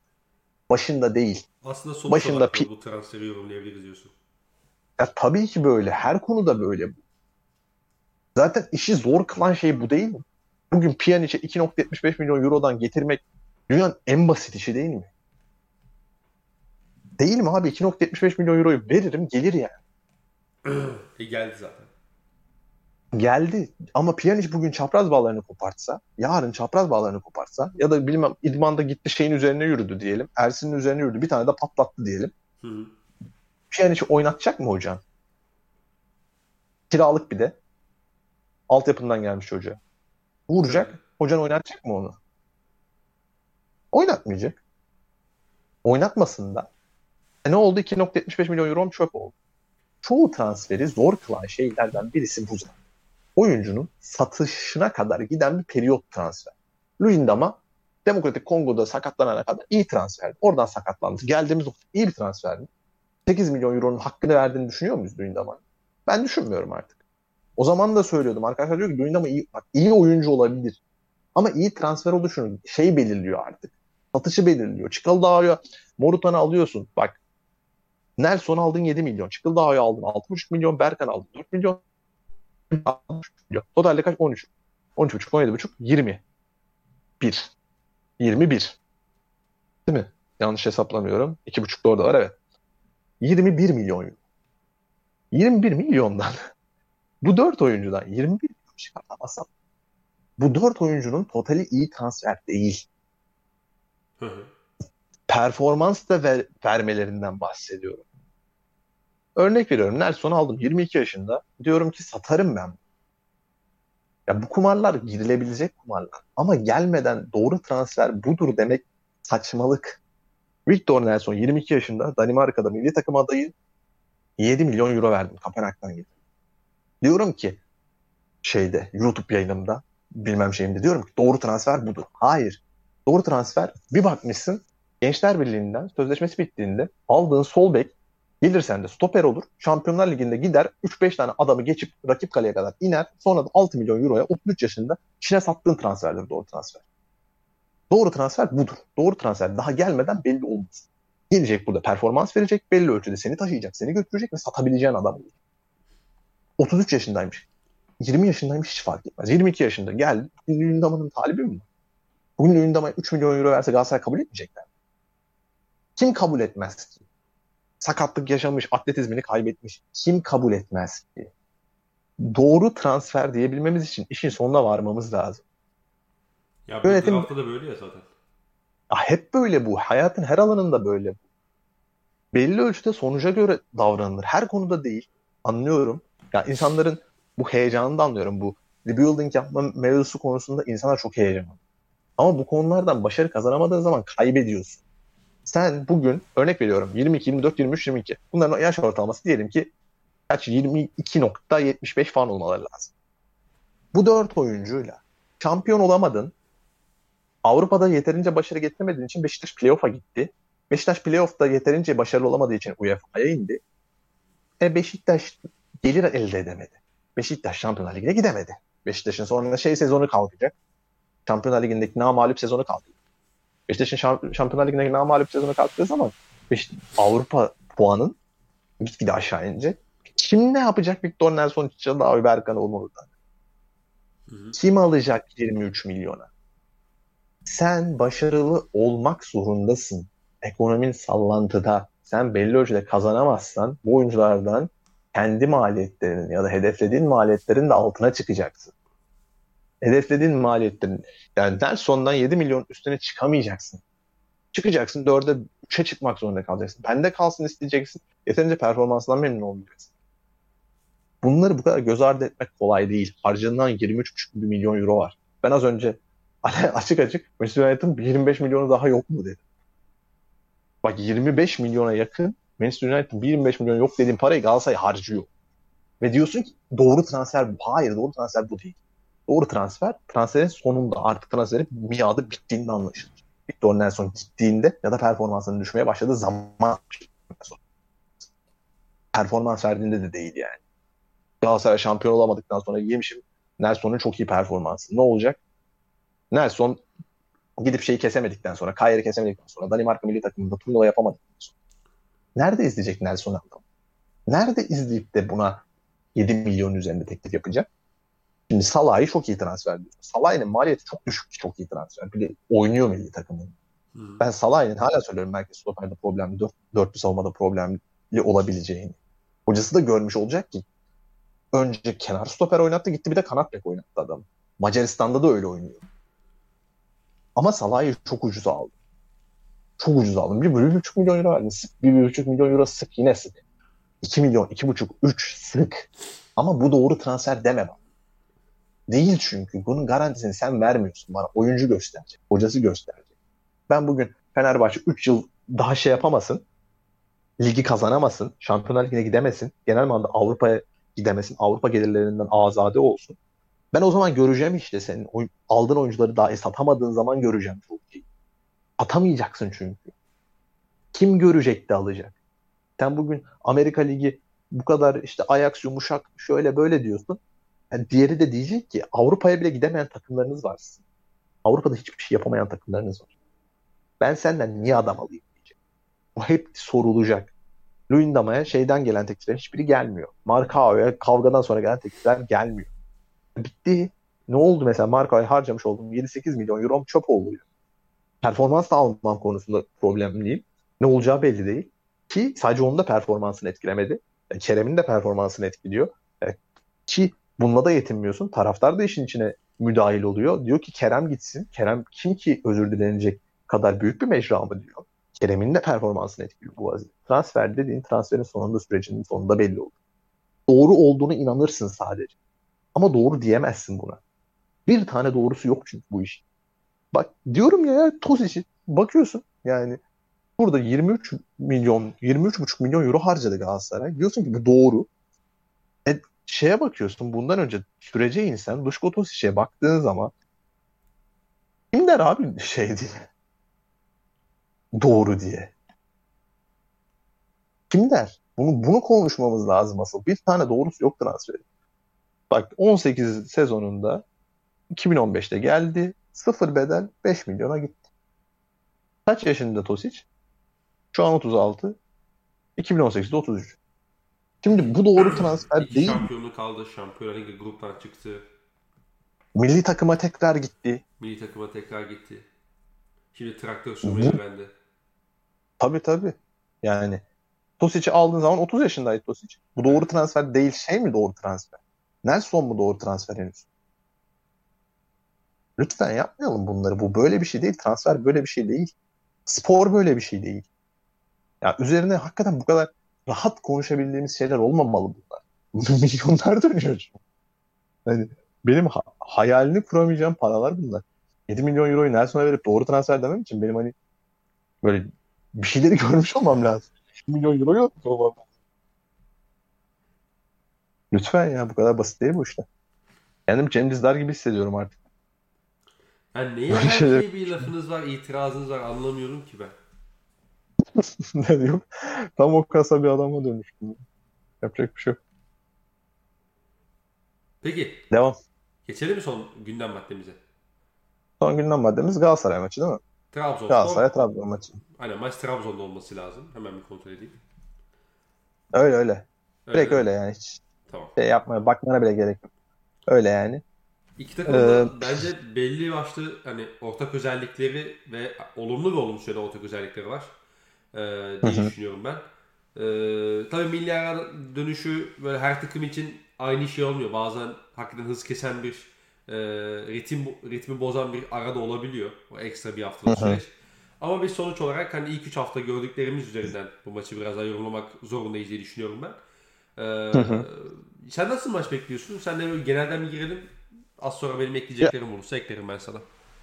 Ya şöyle genel manada insanların beklentileri de yönünde şöyle bir noktaya gidiyor. Trabzon topu alacağı, Trabzon'un genel manada oyun karakterini ilk 15 dakikada basıp basıp ya da Vakayeme'yi hem geriye hem ileriye götürebileceği bir maç bekliyorsun. Çünkü 15. 20. dakikadan sonra bunu yapabilmesi Vakayeme için de çok zorlaşır. Trabzon için de çok zorlaşır. Herhangi birisi için de çok zorlaşır zaten bu. Hani sadece Vakayeme üzerinde değil. Yani kanat oyuncularını geriye bastırıp bir de ön tarafta üretkenlik beklemen ancak 15-20 dakikalık bir sürecin parçası ki Trabzonspor bunu yaptığı maçları kazandı, yapamadıklarını kaybetti. Roma maçlarını kaybetti. İlk 15 dakika gol atamadı. Geldin burada Giresun maçında dahi 10, 11. dakikada Okan Koç'un elinden kaçıp topla kazandı. Ama sonrasında kapanabiliyor. Kapanırken problemleri var aslında ama yani genel manada Trabzon'un şu ana kadarki oyun karakterini şu şekilde yorumluyoruz. Topu kazanan 15 20 dakikalık iki devrenin de başında tempo yapabilen bir takım. Bu tempoya Gal- Galatasaray ne karşılık verecek? Aslında maçı belirleyecek şey bugün artık Galatasaray'ın ne karşılık vereceği. Çünkü Trabzon'un bu maça ekstra bir planla çıkacağını düşünmüyorum. Yani elindeki kadrosu Vakayeme'yi kesmeyecek. Yani bu kadro orta saha yapısından da çıkıp yani Hamşi'yi keseceğini de zannetmiyorum. Gidip belki Berat Siyopis falan değiştirir de o da oyunun A'dan B'ye götürecek büyük değişiklik değil. E yabancı Ya kurulu büyük- var. Ya tabii tabii büyük bir değişiklik olmayacak yani. Ben Trabzon'un yani bildiğimiz 11 ile sahaya çıkacağını düşünüyorum ya. Yani Ya ben de öyle düşünüyorum değişiklik zaten. olacağını düşünmüyorum yani. O bağlamda da şunu söylüyorum. Burada Galatasaray belirleyici olur. Çünkü şimdi Galatasaray gene orta sahada şeyle çıkarsa Morutan Çıkıldağ, Berkan ya da Slash Taylan hani bunlardan biriyle çıkarsa Galatasaray orta sahası fellek fellek geçilir. Topu da alamıyor zaten. Hani yeterince inebilen, sırtı dönük oyun oynayabilen oyuncuları yok. Yani Çıkıldağ da Morutan da oralara kadar inmediler kariyerlerinde. İnmemişler daha doğrusu. Şimdi inmediler. Şey oldu. Bilinen geçmiş zaman oldu da. Ya inmemişler yani kariyerlerinde. 10 numara sol kanat falan olmuşlar. Sırtı dönük şekilde top almamışlar yani hiç. Hı hı. O yüzden gidip de ben Galatasaray'ın top alacağını zannetmiyorum. Almamalı en azından. Ben kendi düşüncemle şunu söyledim. Galatasaray Aytaç'la, Taylan'la çıkıp önlerine de Morutan'ı atıp serbest bir şekilde çıksın. 15-20 dakika tutsun. 15-20 dakikanın sonunda birazcık daha derinden bekleye bekleye işte bilmem hani Sasha Boy'u gitsin Vakayame'ye bol bol faul yapsın. Bu planın bir per- çar- ah, bu plan çerçevesinde ben Galatasaray'ın buradan başarılı ayrılacağını düşünüyorum. Yani Ama bu Trabzon'un oyunu akmasın benim kanaatim. Yani. Yani onu diyorum işte yani. O akışkanlığı bozması lazım. Tabii tabii bu burada hani Trabzon'u bozacaksan ilk 15-20 dakika oturacaksın derinde bekleyeceksin bu takımı. Çünkü yani ya iki kanat birbirinden çok farklı profillerde. Vakayeme ayağını aldığında çok iyi. Gervinho alan bulduğunda çok iyi. Gervinho bir de şey de değil. Hani, e, hani ayağıyla paralel bir kanatta oynamasına rağmen skor da yapıyor. Tabii tabii. Gol yapıyor. Hani asist değil, gol yapıyor direkt. Hani böyle bir oyuncu varsa karşında bir şüpheyle karşı iki tane kanat oyuncusu, iki, iki başka kanat profili var. Bu takım aslında hani üzerinde gidersen Gervinho'yla da alan bulup gelecek yani. Ya abi senin en büyük problemin ne zaten Galatasaray olarak? Sen her maç sol tarafından gol yiyorsun. Hem sol tarafından gol yiyorsun hem derinde topla buluşamıyorsun. Top kazanmak ve top edinmek Hı hı. konusunda problemlerin var. Ya bunlar bu kadar açıkken ben Fatih Terim'in gidip de ben bu maç top alayım düşüncesiyle çıkacağını hiç zannetmiyorum. Ben bu maç Aytaç'ı bekliyorum açık açık söyleyeyim. Aytaç'ın zaten Aytaç'ı bu yüzden transfer ettim yani. Aytaç'ı ben kenardan kimi zaman hani böyle bir oyuna dönerim. Böyle oyunlar olduğu zamanda da e, benim yapım değişebilir. Bir tane kesicim olsun diye var Aytaç benim takımımda. Haberin Ondan dolayı- kontrol etmedim ama Aytaç'ın gönderilebileceği de konuşuluyor bu arada tekrardan. Ya Aytaç olmasın Taylan'la Berkan'ı merkeze indirebilir. Hı. Şey olmaz yani. Morutan Çıkıldağ beraber çıkartacağını hiç zannetmiyorum. Çıkartacaksa da Morutan'ı sol kenara falan deplase edip bir şey bekliyorum. Yani orta sahada o topu kazan, top edinilecek bir yapıda çıkacağını zannetmiyorum. Çünkü ilk 15-20 dakikada sen Trabzon'a karşı ben birazcık topu alayım ya yaparsan o adam gelir atar bir tane. Ya ben Berkan Değil. Taylan 15-20'de de yapmasan 15-20'de de yapmasan şeyden gelir yani. Plase Morutan. Sen topu aldığında elbet kaptırıyorsun. Devamlı kaptırıyorsun zaten. Yani devamlı aynı şekilde gol yiyorsun. Tabii, tabii, tabii. Kalecinden kaptırıyorsun. Bilmem işte şeyinden kaptırıyorsun ama. ve Luyendam'a açık alanda yakalan- kontrol edemiyor, ayağından açıyor, kötü pas atıyor vesaire. O var. Ekstra senin stoperlerin geniş alanda da çok problemli adamlar. Kasımpaşa Ya maçı ilk Nelson- golü Nelson. Nelson ağır. Şeyde de öyle. Hatay maçında da öyle. Renders maçında da öyle. Luyendama PSV'den, yani Luyendama çapraz bandan beri problem. Bunları düşündüğün zaman geniş alana çıkıp ben topla oynayacağım dememeli. Der mi bilmiyorum. Bence demez. Dememeli ama. Der, derse zaten Gervinho bambaşka bir maç oynar. Ben diyeceğini zannetmiyorum ama çünkü birazcık hani crystal clear bir noktada bu. Baya berrak. Ya Trabzon'da Hı. şey de var ama hani şey cezbedici olabiliyor esasında hani ya Trabzon'un ayağından sen topu alabildiğinde Trabzon'un Hı da çok geçirgen ve çok kırılgan bir yapı. Öyle de yani Yani senin yok Galatasaray'dan yeterin... bağımsız konuşuyorum bu arada. Yani Ya Trabzonspor'un öyle öyle. Katılıyorum. zaaflarından bahsediyorum ve Trabzon'un en büyük problemi de Ekstra abi. de- değişiklik konusunda da problemleri var aslında. Mesela şey, Abdullah Avcı devamlı oyunun ortasından Siyopis'ten Berat'tan çıkıp Abdülkadir Abdülkadir alıp Hamşiye'nin derine falan indiriyor. Oyun içerisinde 60'tan 70'ten sonra. Roma maçlarında yaptı bunu. Bu yapılacak hamleler değil mesela. Bunu Ya hadi orada az bir şey, şey. görmek istemiş olabilir yani bir risk almak istemiş olabilir vesaire ona geçiyorum da şey var bir tane yedin abi öyle risk mi olur? ya, ya ikinci maç zaten şey yani bilmiyorum izlemedin de hani Ya tamam da yani Roma olimpiyata çıkıyorsun. Mourinho'nun takımıyla oynuyorsun falan. Hani ben bir risk alayım deme ya. Gerek. ya şey çünkü 20-25 dakikanı çöpe atıyorsun sonra. Hadi ben bir risk alayım. iki tane daha atıyorlar herifler. Sonra şey oluyorsun sen demoralize oluyorsun. Oyuncun demoralize oluyor. Kafaları eğiliyor. ya şöyle Yani- avcının O son Avrupa'ya 20-25 bakış açısı- dakikan bitiyor. avcının Avrupa'ya bakış açısını da biraz hani e, tartışabiliriz Ya aslında. öyle öyle. yani- Kesinlikle eleştirilmeli. Ama hani o- kafasında böyle bir şey varsa ki ben böyle bir şey olduğunu düşünmüyorum. Genel manada yaptığı bir değişiklik çünkü. Tabii tabii. Yani genel manada oyunun ortasından Siopis ya da Berat'ın yorulduğunu düşünüp oyunun ortasına Abdülkadir atıyor ki galiba zannımca orta sahanın ortasında düşünüyor Abdülkadir ki bu bence hiç sağlıklı bir fikir değil. Giresun deplasmanında Yani- şey Jervinho'nun yerine sağ kanatta kullandı. Yani mesela yani yine olur olmaz değil de. Yani ben genel manada Siopis ya da Berat'tan çıkmanın mantıklı bir düşünüyorum. Herhangi bir dakikada. Hatta yani Siopis ya da Berat'ın da tek başına bu kesiciliği sağladıklarını düşünmüyorum. Ki zaten senin eleştirdiğin nokta da bu. Hı hı. Bu takımın orta sahasındaki geçirgenlik Hamşik'in o kadar da sert bir oyuncu olmamasından kaynaklanıyor. Aslında Berat'ın da hayal ettiği oyuncunun henüz olmaması bence.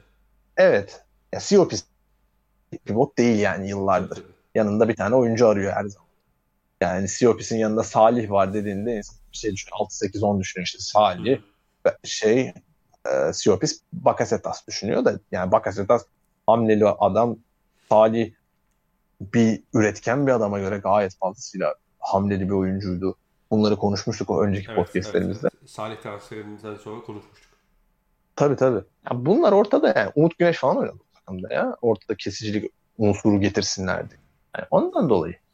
Yani Trabzon sen şey konusunda haklısın. Onu hiçbir ağzımı açmıyor. Yani Trabzon'un ayağından top alabilirsen ve bir tane en sakalan varsa sol ka- kanat yani şeyde oturtabiliyorsun yani. Söyledim. Sol bekini çıkartmadan Cervinho'yu rahatsız edecek biçimde oynatabileceğin bir tane bekin varsa ha, tüm maç rahatsın. Ha, gidersin topu almaya kalkışırsın. yapacak alanı oluşturamaz değil mi sence? Yok. Kasımpaşa oluşturamadı. Renders'ı oluşturamadı. Sen Johnston'u oluşturamadı. Bence oluşturmak Oluyor-. Bu bekini çok oluyor direkt. alakalı bence. Ya fark etmez ki topun niye, niye bekini ön tarafa çıkartıyorsun ki? Bekini ön tarafa çıkartmanın sebebi orta saha oyuncunun yüzünü döndüğünde sağına, soluna gerekirse uzun atabileceği alanlar oluşturmak. Oyunu Evet, genişletmenin temelde temelde mantığı bu zaten. Ama problem şurada başlıyor. Sen bekleri çıkarttığın zaman oyuncun bunu yapabilir zannediyorsun. Birincisi oyuncun bunu yapamıyor. Oyuncun Evet. o kalitede bir oyuncu değil artık. Taylan o, o kalitede bir adam değil. Ha, Açık açık söylüyorum. Bu Taylan o adam değil. Ya bir de üstüne o şeyi veremiyorsun. Space'i de vere, alanı veremiyorsun. O rahat alamıyor topu. E bir de Baskıda alıyor. Taylan'ın şeyini çözdü yani. Taylan'a baskı yaptığı zaman hataya zorlayabiliyorsun. Bu geçen sezonun ortasından beridir. İkinci pivot olarak indirebildiğin bir tane oyuncun yok çünkü Belanda gittiğinden Evet, beri. evet, evet. Belanda o yüzden çok kıymetli. O zaman onu da anlatıyorsun. Belanda işte bak çok kıymetli adam, şöyle adam, böyle adam. Şey diyor adam sana. Kaç haftadır skor yapamıyor. Yapamıyor çünkü Taylan'ı da birazcık rahatlatmak için derine kadar indiriyorsun. E tabii. Belanda elini kolunu açıyor, rakibini itiyor, kakıyor, agresyon koyuyor, kart görüyor. Bunlar kıymetli şey. Faal oluyor belki. Tabii tabii dinlendiriyor takım. Ya bir de yani oyunun en gerisinden top almaya sına rahat izin verdiğin bir adam gidiyor bir de önde üretkenlik sahibi. Böyle adamlar. Yani rahat rahat elden çıkarılmamalı. Kolay kolay eleştirilmemeli. Topu oturmamalı. Ozan da böyleydi. Ozan da çok eleştirildi. Gerek yok yani. Ama genel manada maça dönecek olursak, maç özelinde konuşacak olursam son olarak da ben Trabzon'un ben Galatasaray'ın Trabzon'u 20-25 dakika bekleyeceğini düşünüyorum. Sonrasında da zaten belli bir noktada oyunu alabilirler ya da zaten Trabzon yorulunca belli bir oyun bırakıyor. Bırakıyor hani Hı hı. şey istemese de bırakıyor yani. Evet. Edinemiyor. Ondan dolayı ben böyle bir Galatasaray bekliyorum. Ama yok Galatasaray böyle çıkmaz. Ben Galatasaray'ım. Ben top alırım. İşte benim 3 yıllık bir planlamam var. 3 yıllık planlama çerçevesinde gerekirse çıkacağım. Trabzon'a Trabzon'da rezil olacağım. Diyorsa da 4 tane yer geri getir. Peki eee şeyi çıkarmak zorunda olsan, iki takımdan birer oyuncu ortaya çıkaracak olsan, X faktör olarak Hmm. Buna kim olur? Yani hangi takım, hangi oyuncuların performansı çok belirleyici olduğu gibi gözüküyor sana? Ya direkt terim derim Galatasaray'da. Çünkü tercih ne kalacağını düşünüyorum. Yani hamle yapması gereken isim Terim. Bu zaten açık. Hı hı. Galatasaray, ben, ben Sasha Boy hamle, tra, şey, Sasha Boy performansında çok belirleyici olacağını düşünüyorum. Ya, Vakayeme'yi yıldırır diye düşünüyorsun sen. Yıldırır mı diye düşünüyorsun. Aynen, yani, yani aslında sorun var. Soru bu zaten aslında. Çünkü ve ayrıca de şu var. E, Trabzon'un hani iki beki de çok arızalı. Yani İsmail çok sakar. Sakat olmasa bile. Bruno hani, Perez sakat. Bruno Perez sakat ki sakat olmasa bile Bruno, Bruno Perez'in de performansı işi savunma kısmı en azından tartışılır. Ee, ya Trabzon her maç şey pozisyonu veriyor abi. Bekten yani ha, hangi bekten olduğu önemi yok. Arka direğe yapılan her nokta tehlike Trabzon'a karşı mesela. Genel manada futbolda böyle. Ya evet ama Trabzon'da ekstra, hayır ama Trabzon'da ekstradan böyle. Çünkü tamam, bekleri kısa, alan bilgi yani pozisyon bilgileri zayıf falan filan yani. Bir ton bir ton mevzusu var.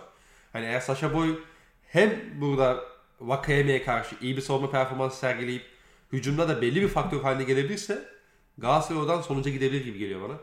Ki e, benim beğendiğim oyuncu Sasha Boy şu ankaki performansına bakacak olursak.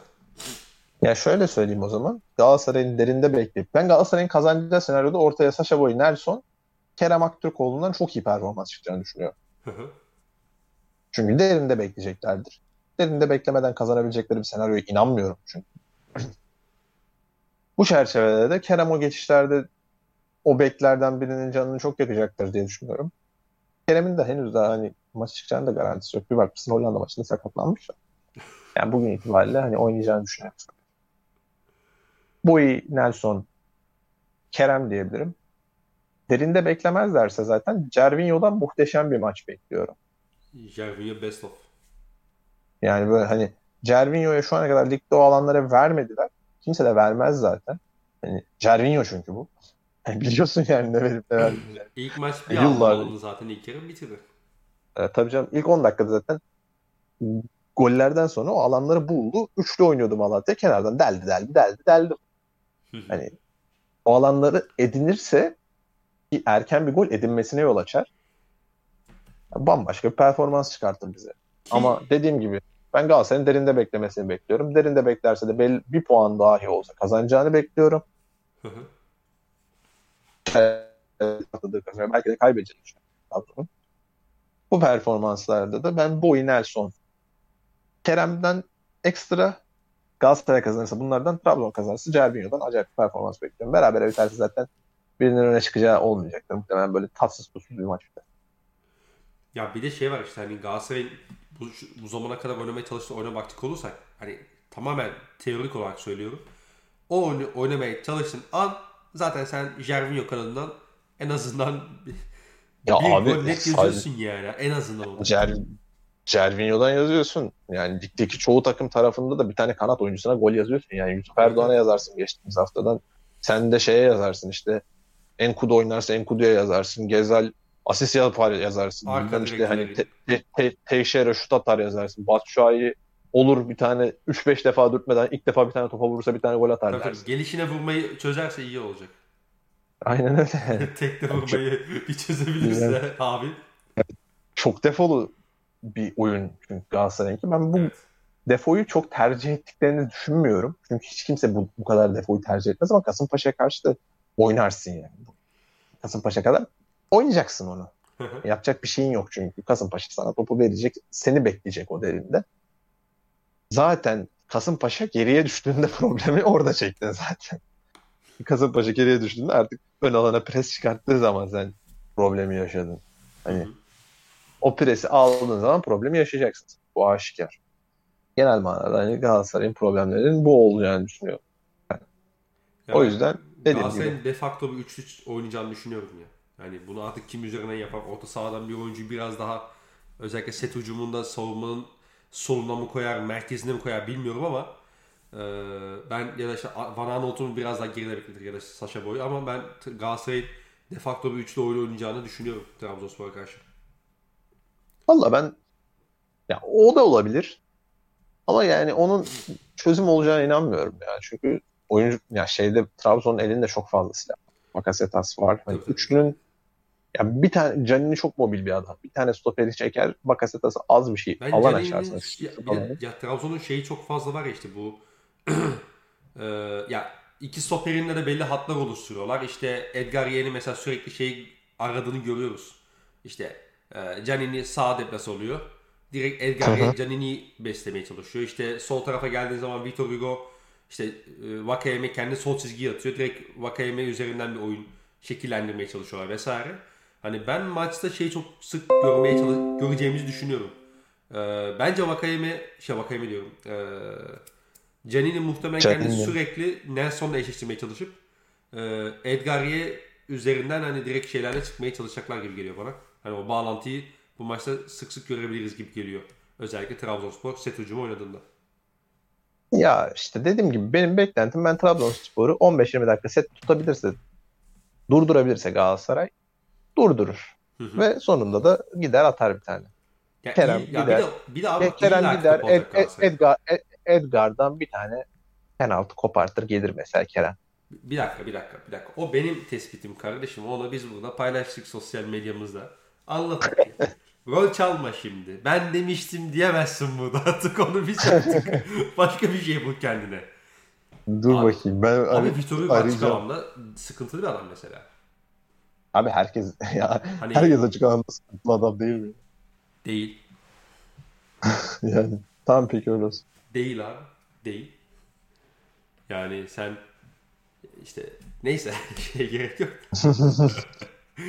Ama yani şey işte mesela Vitor Hugo'yu sen bir şeyle eşleştir ya bir pozisyona Kerem'le eşleştir. Kerem oradan bir şapkadan tavşan çıkartır falan hani ya Galatasaray'ın olabildiğince Trabzon'un alanlarını daraltıp oradan hani çünkü Trabzon illa hata yapacak abi. İlla ki İsmail Köybaşı bir topu kontrol edemeyecek. Saçma sapan bir yerde top kaybı olacak. İşte Berat baskıda bir hata yapacak. İlla ki Galatasaray hani topun arkasında beklediği senaryoda o istediği alanları, o istediği pozisyonları en azından başlangıçlarını bulacak. Ben öyle düşünüyorum. Ee, o yüzden de hani sana şey konusunda katılıyorum. Yani Galatasaray'ın topu almak gibi bir planı olmamalı bence de.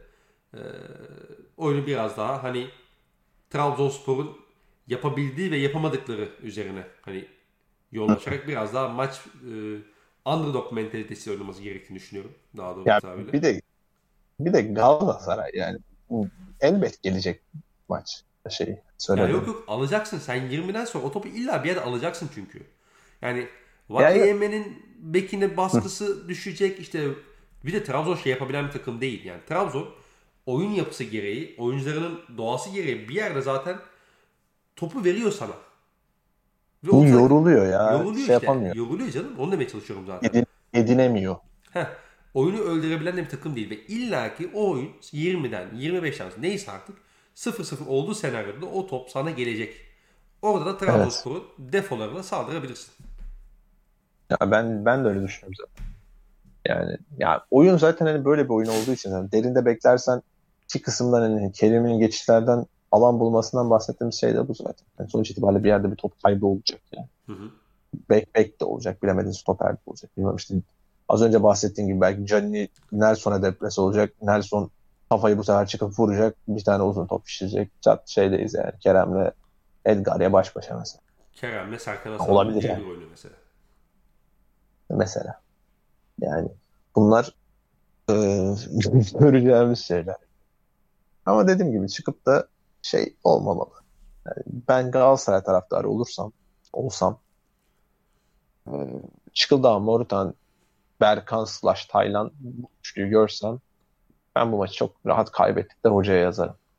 Çünkü şeyden itibaren rahatsızlığını hissettiren bir 11 bu. Üçlü daha doğrusu merkez üçlü. Yani Katılıyorum. ben oturduğum yerden diyorum ki Kasımpaşa maçında bu kadar problem çekmiş. Üçlü. Yani Kasımpaşa maçında 2-0 öndeyken de problem çekti bu arada. Yani yine iyi bir futbol oynadığını söyleyemeyeceğim. Yani ikinci golle gönül rahatlığıyla geçti şey. Morutan Sad Sadiku'yu. Yani kötü bir Kasımpaşa'nın varlığı var orada. Biraz Evet, geliştirilmesi evet, gereken evet. şeylerden birisi de o. E, ilk yani mesela. sen- Yani Yani sen Johnston'u yenemiyorsun, Anders'ı yenemiyorsun.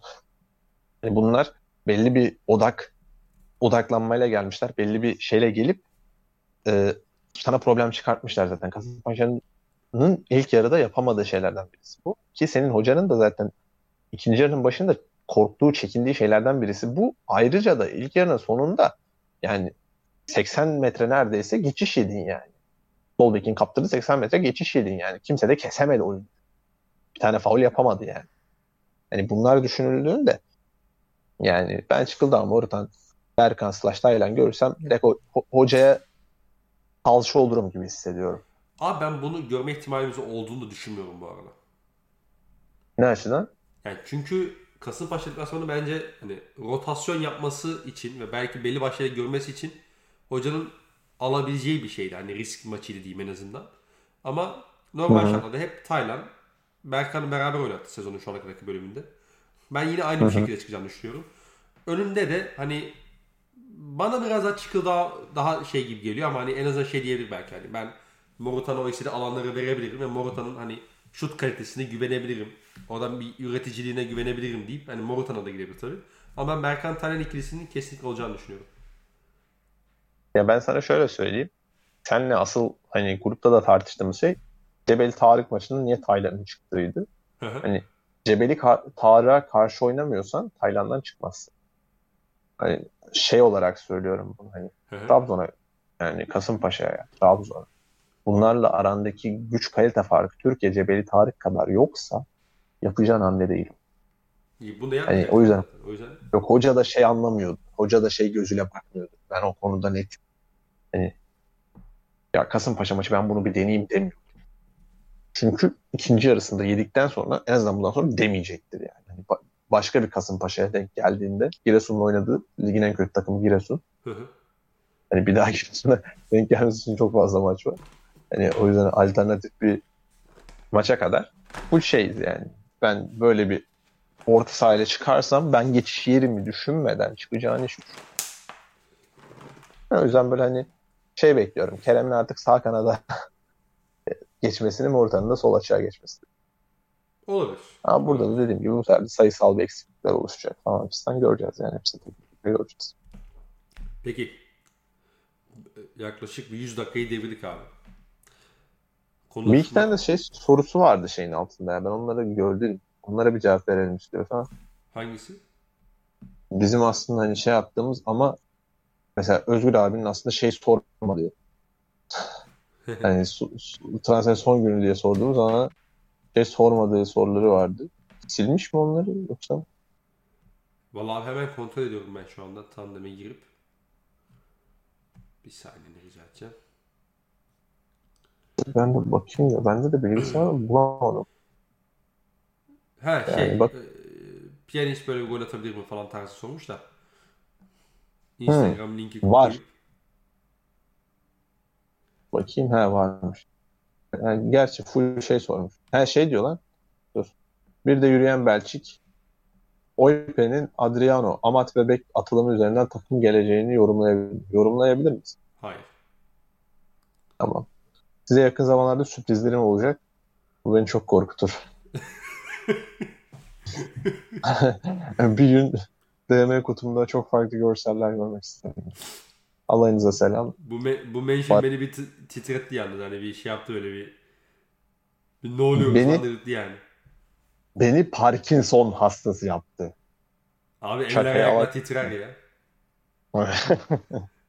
Alayınıza selam. Baran 9988'de artık podcastlerde olmam. Olsun abi. Olabilir. Aleykümselam abi bu arada. Baran abiyle yeni bir atılıma geçerek 3 kişi sadece İngilizce podcast yapabiliriz mesela. Ee, Ateş ne Baran abi? Guten Taget. Fener'imiz. Ee, bu, bu kasa bir yayın yapılabilir yani. I think. Pep has to decide between Better playing Kevin De Bruyne or Jack Grealish. double pivot or falan deyip. If you want to play transition game, you have to Look, KDB has to play as a false nine. Period. let us think the a minute, a minute. Only just a minute. Bir Think dakika about ya, that. bir dakika, bir dakika rica G- ederim. G- Gervinho play on one on one against and Out. Unthinkable. Unthinkable. evet ya bu son e, enteresan, en basit tabiriyle enteresan, ilginç sekansla birlikte dağıtıp istersen yayını kapatalım yavaştan. Hadi kapatalım abi. Bu hani işte biz aslında transfer döneminde ortaya çıkan e, son son dakika, son hafta transferi olan olmayan aslında e, şeyleri sormuştuk ama Alperen'le ben aslında bunun daha ziyade sağlıklı bir akış ile devam edeceğini düşündüğüm için e, bu haftada bizle birlikte olamadığından dolayı bu podcast, daha sonra bu konsepti başka bir podcast'e saklamayı e, daha uygun gördük. Ve Enes'te de biraz daha yeri geldi Premier Lig, yeri geldi e, yerel transfer dönemi ve Trabzonspor Galatasaray maçının bir ön bakışını atmaya çalıştık. Buramağıza sağlık. Teşekkür ediyorum. Özlemişim. Belli belli. Konuş, konuşmak istediğin konular olunca nasıl da bülbül, bülbül gibi şaktın neyse. en azından derdini anlatabildiğini düşünüyorum. Tabii canım ben o şey konusunda içim çok Tabii de Soğumamış. İngilizce podcast konusunda. ama you're absolutely right. Dinleyen herkese de teşekkürler. Yayınları dinlemeyi, dinletmeyi, dinletenlerin de başkalarının dinletmesine vesile olmayı unutmuyoruz. Mutlu günler, hoşçakalın. Hoşçakal.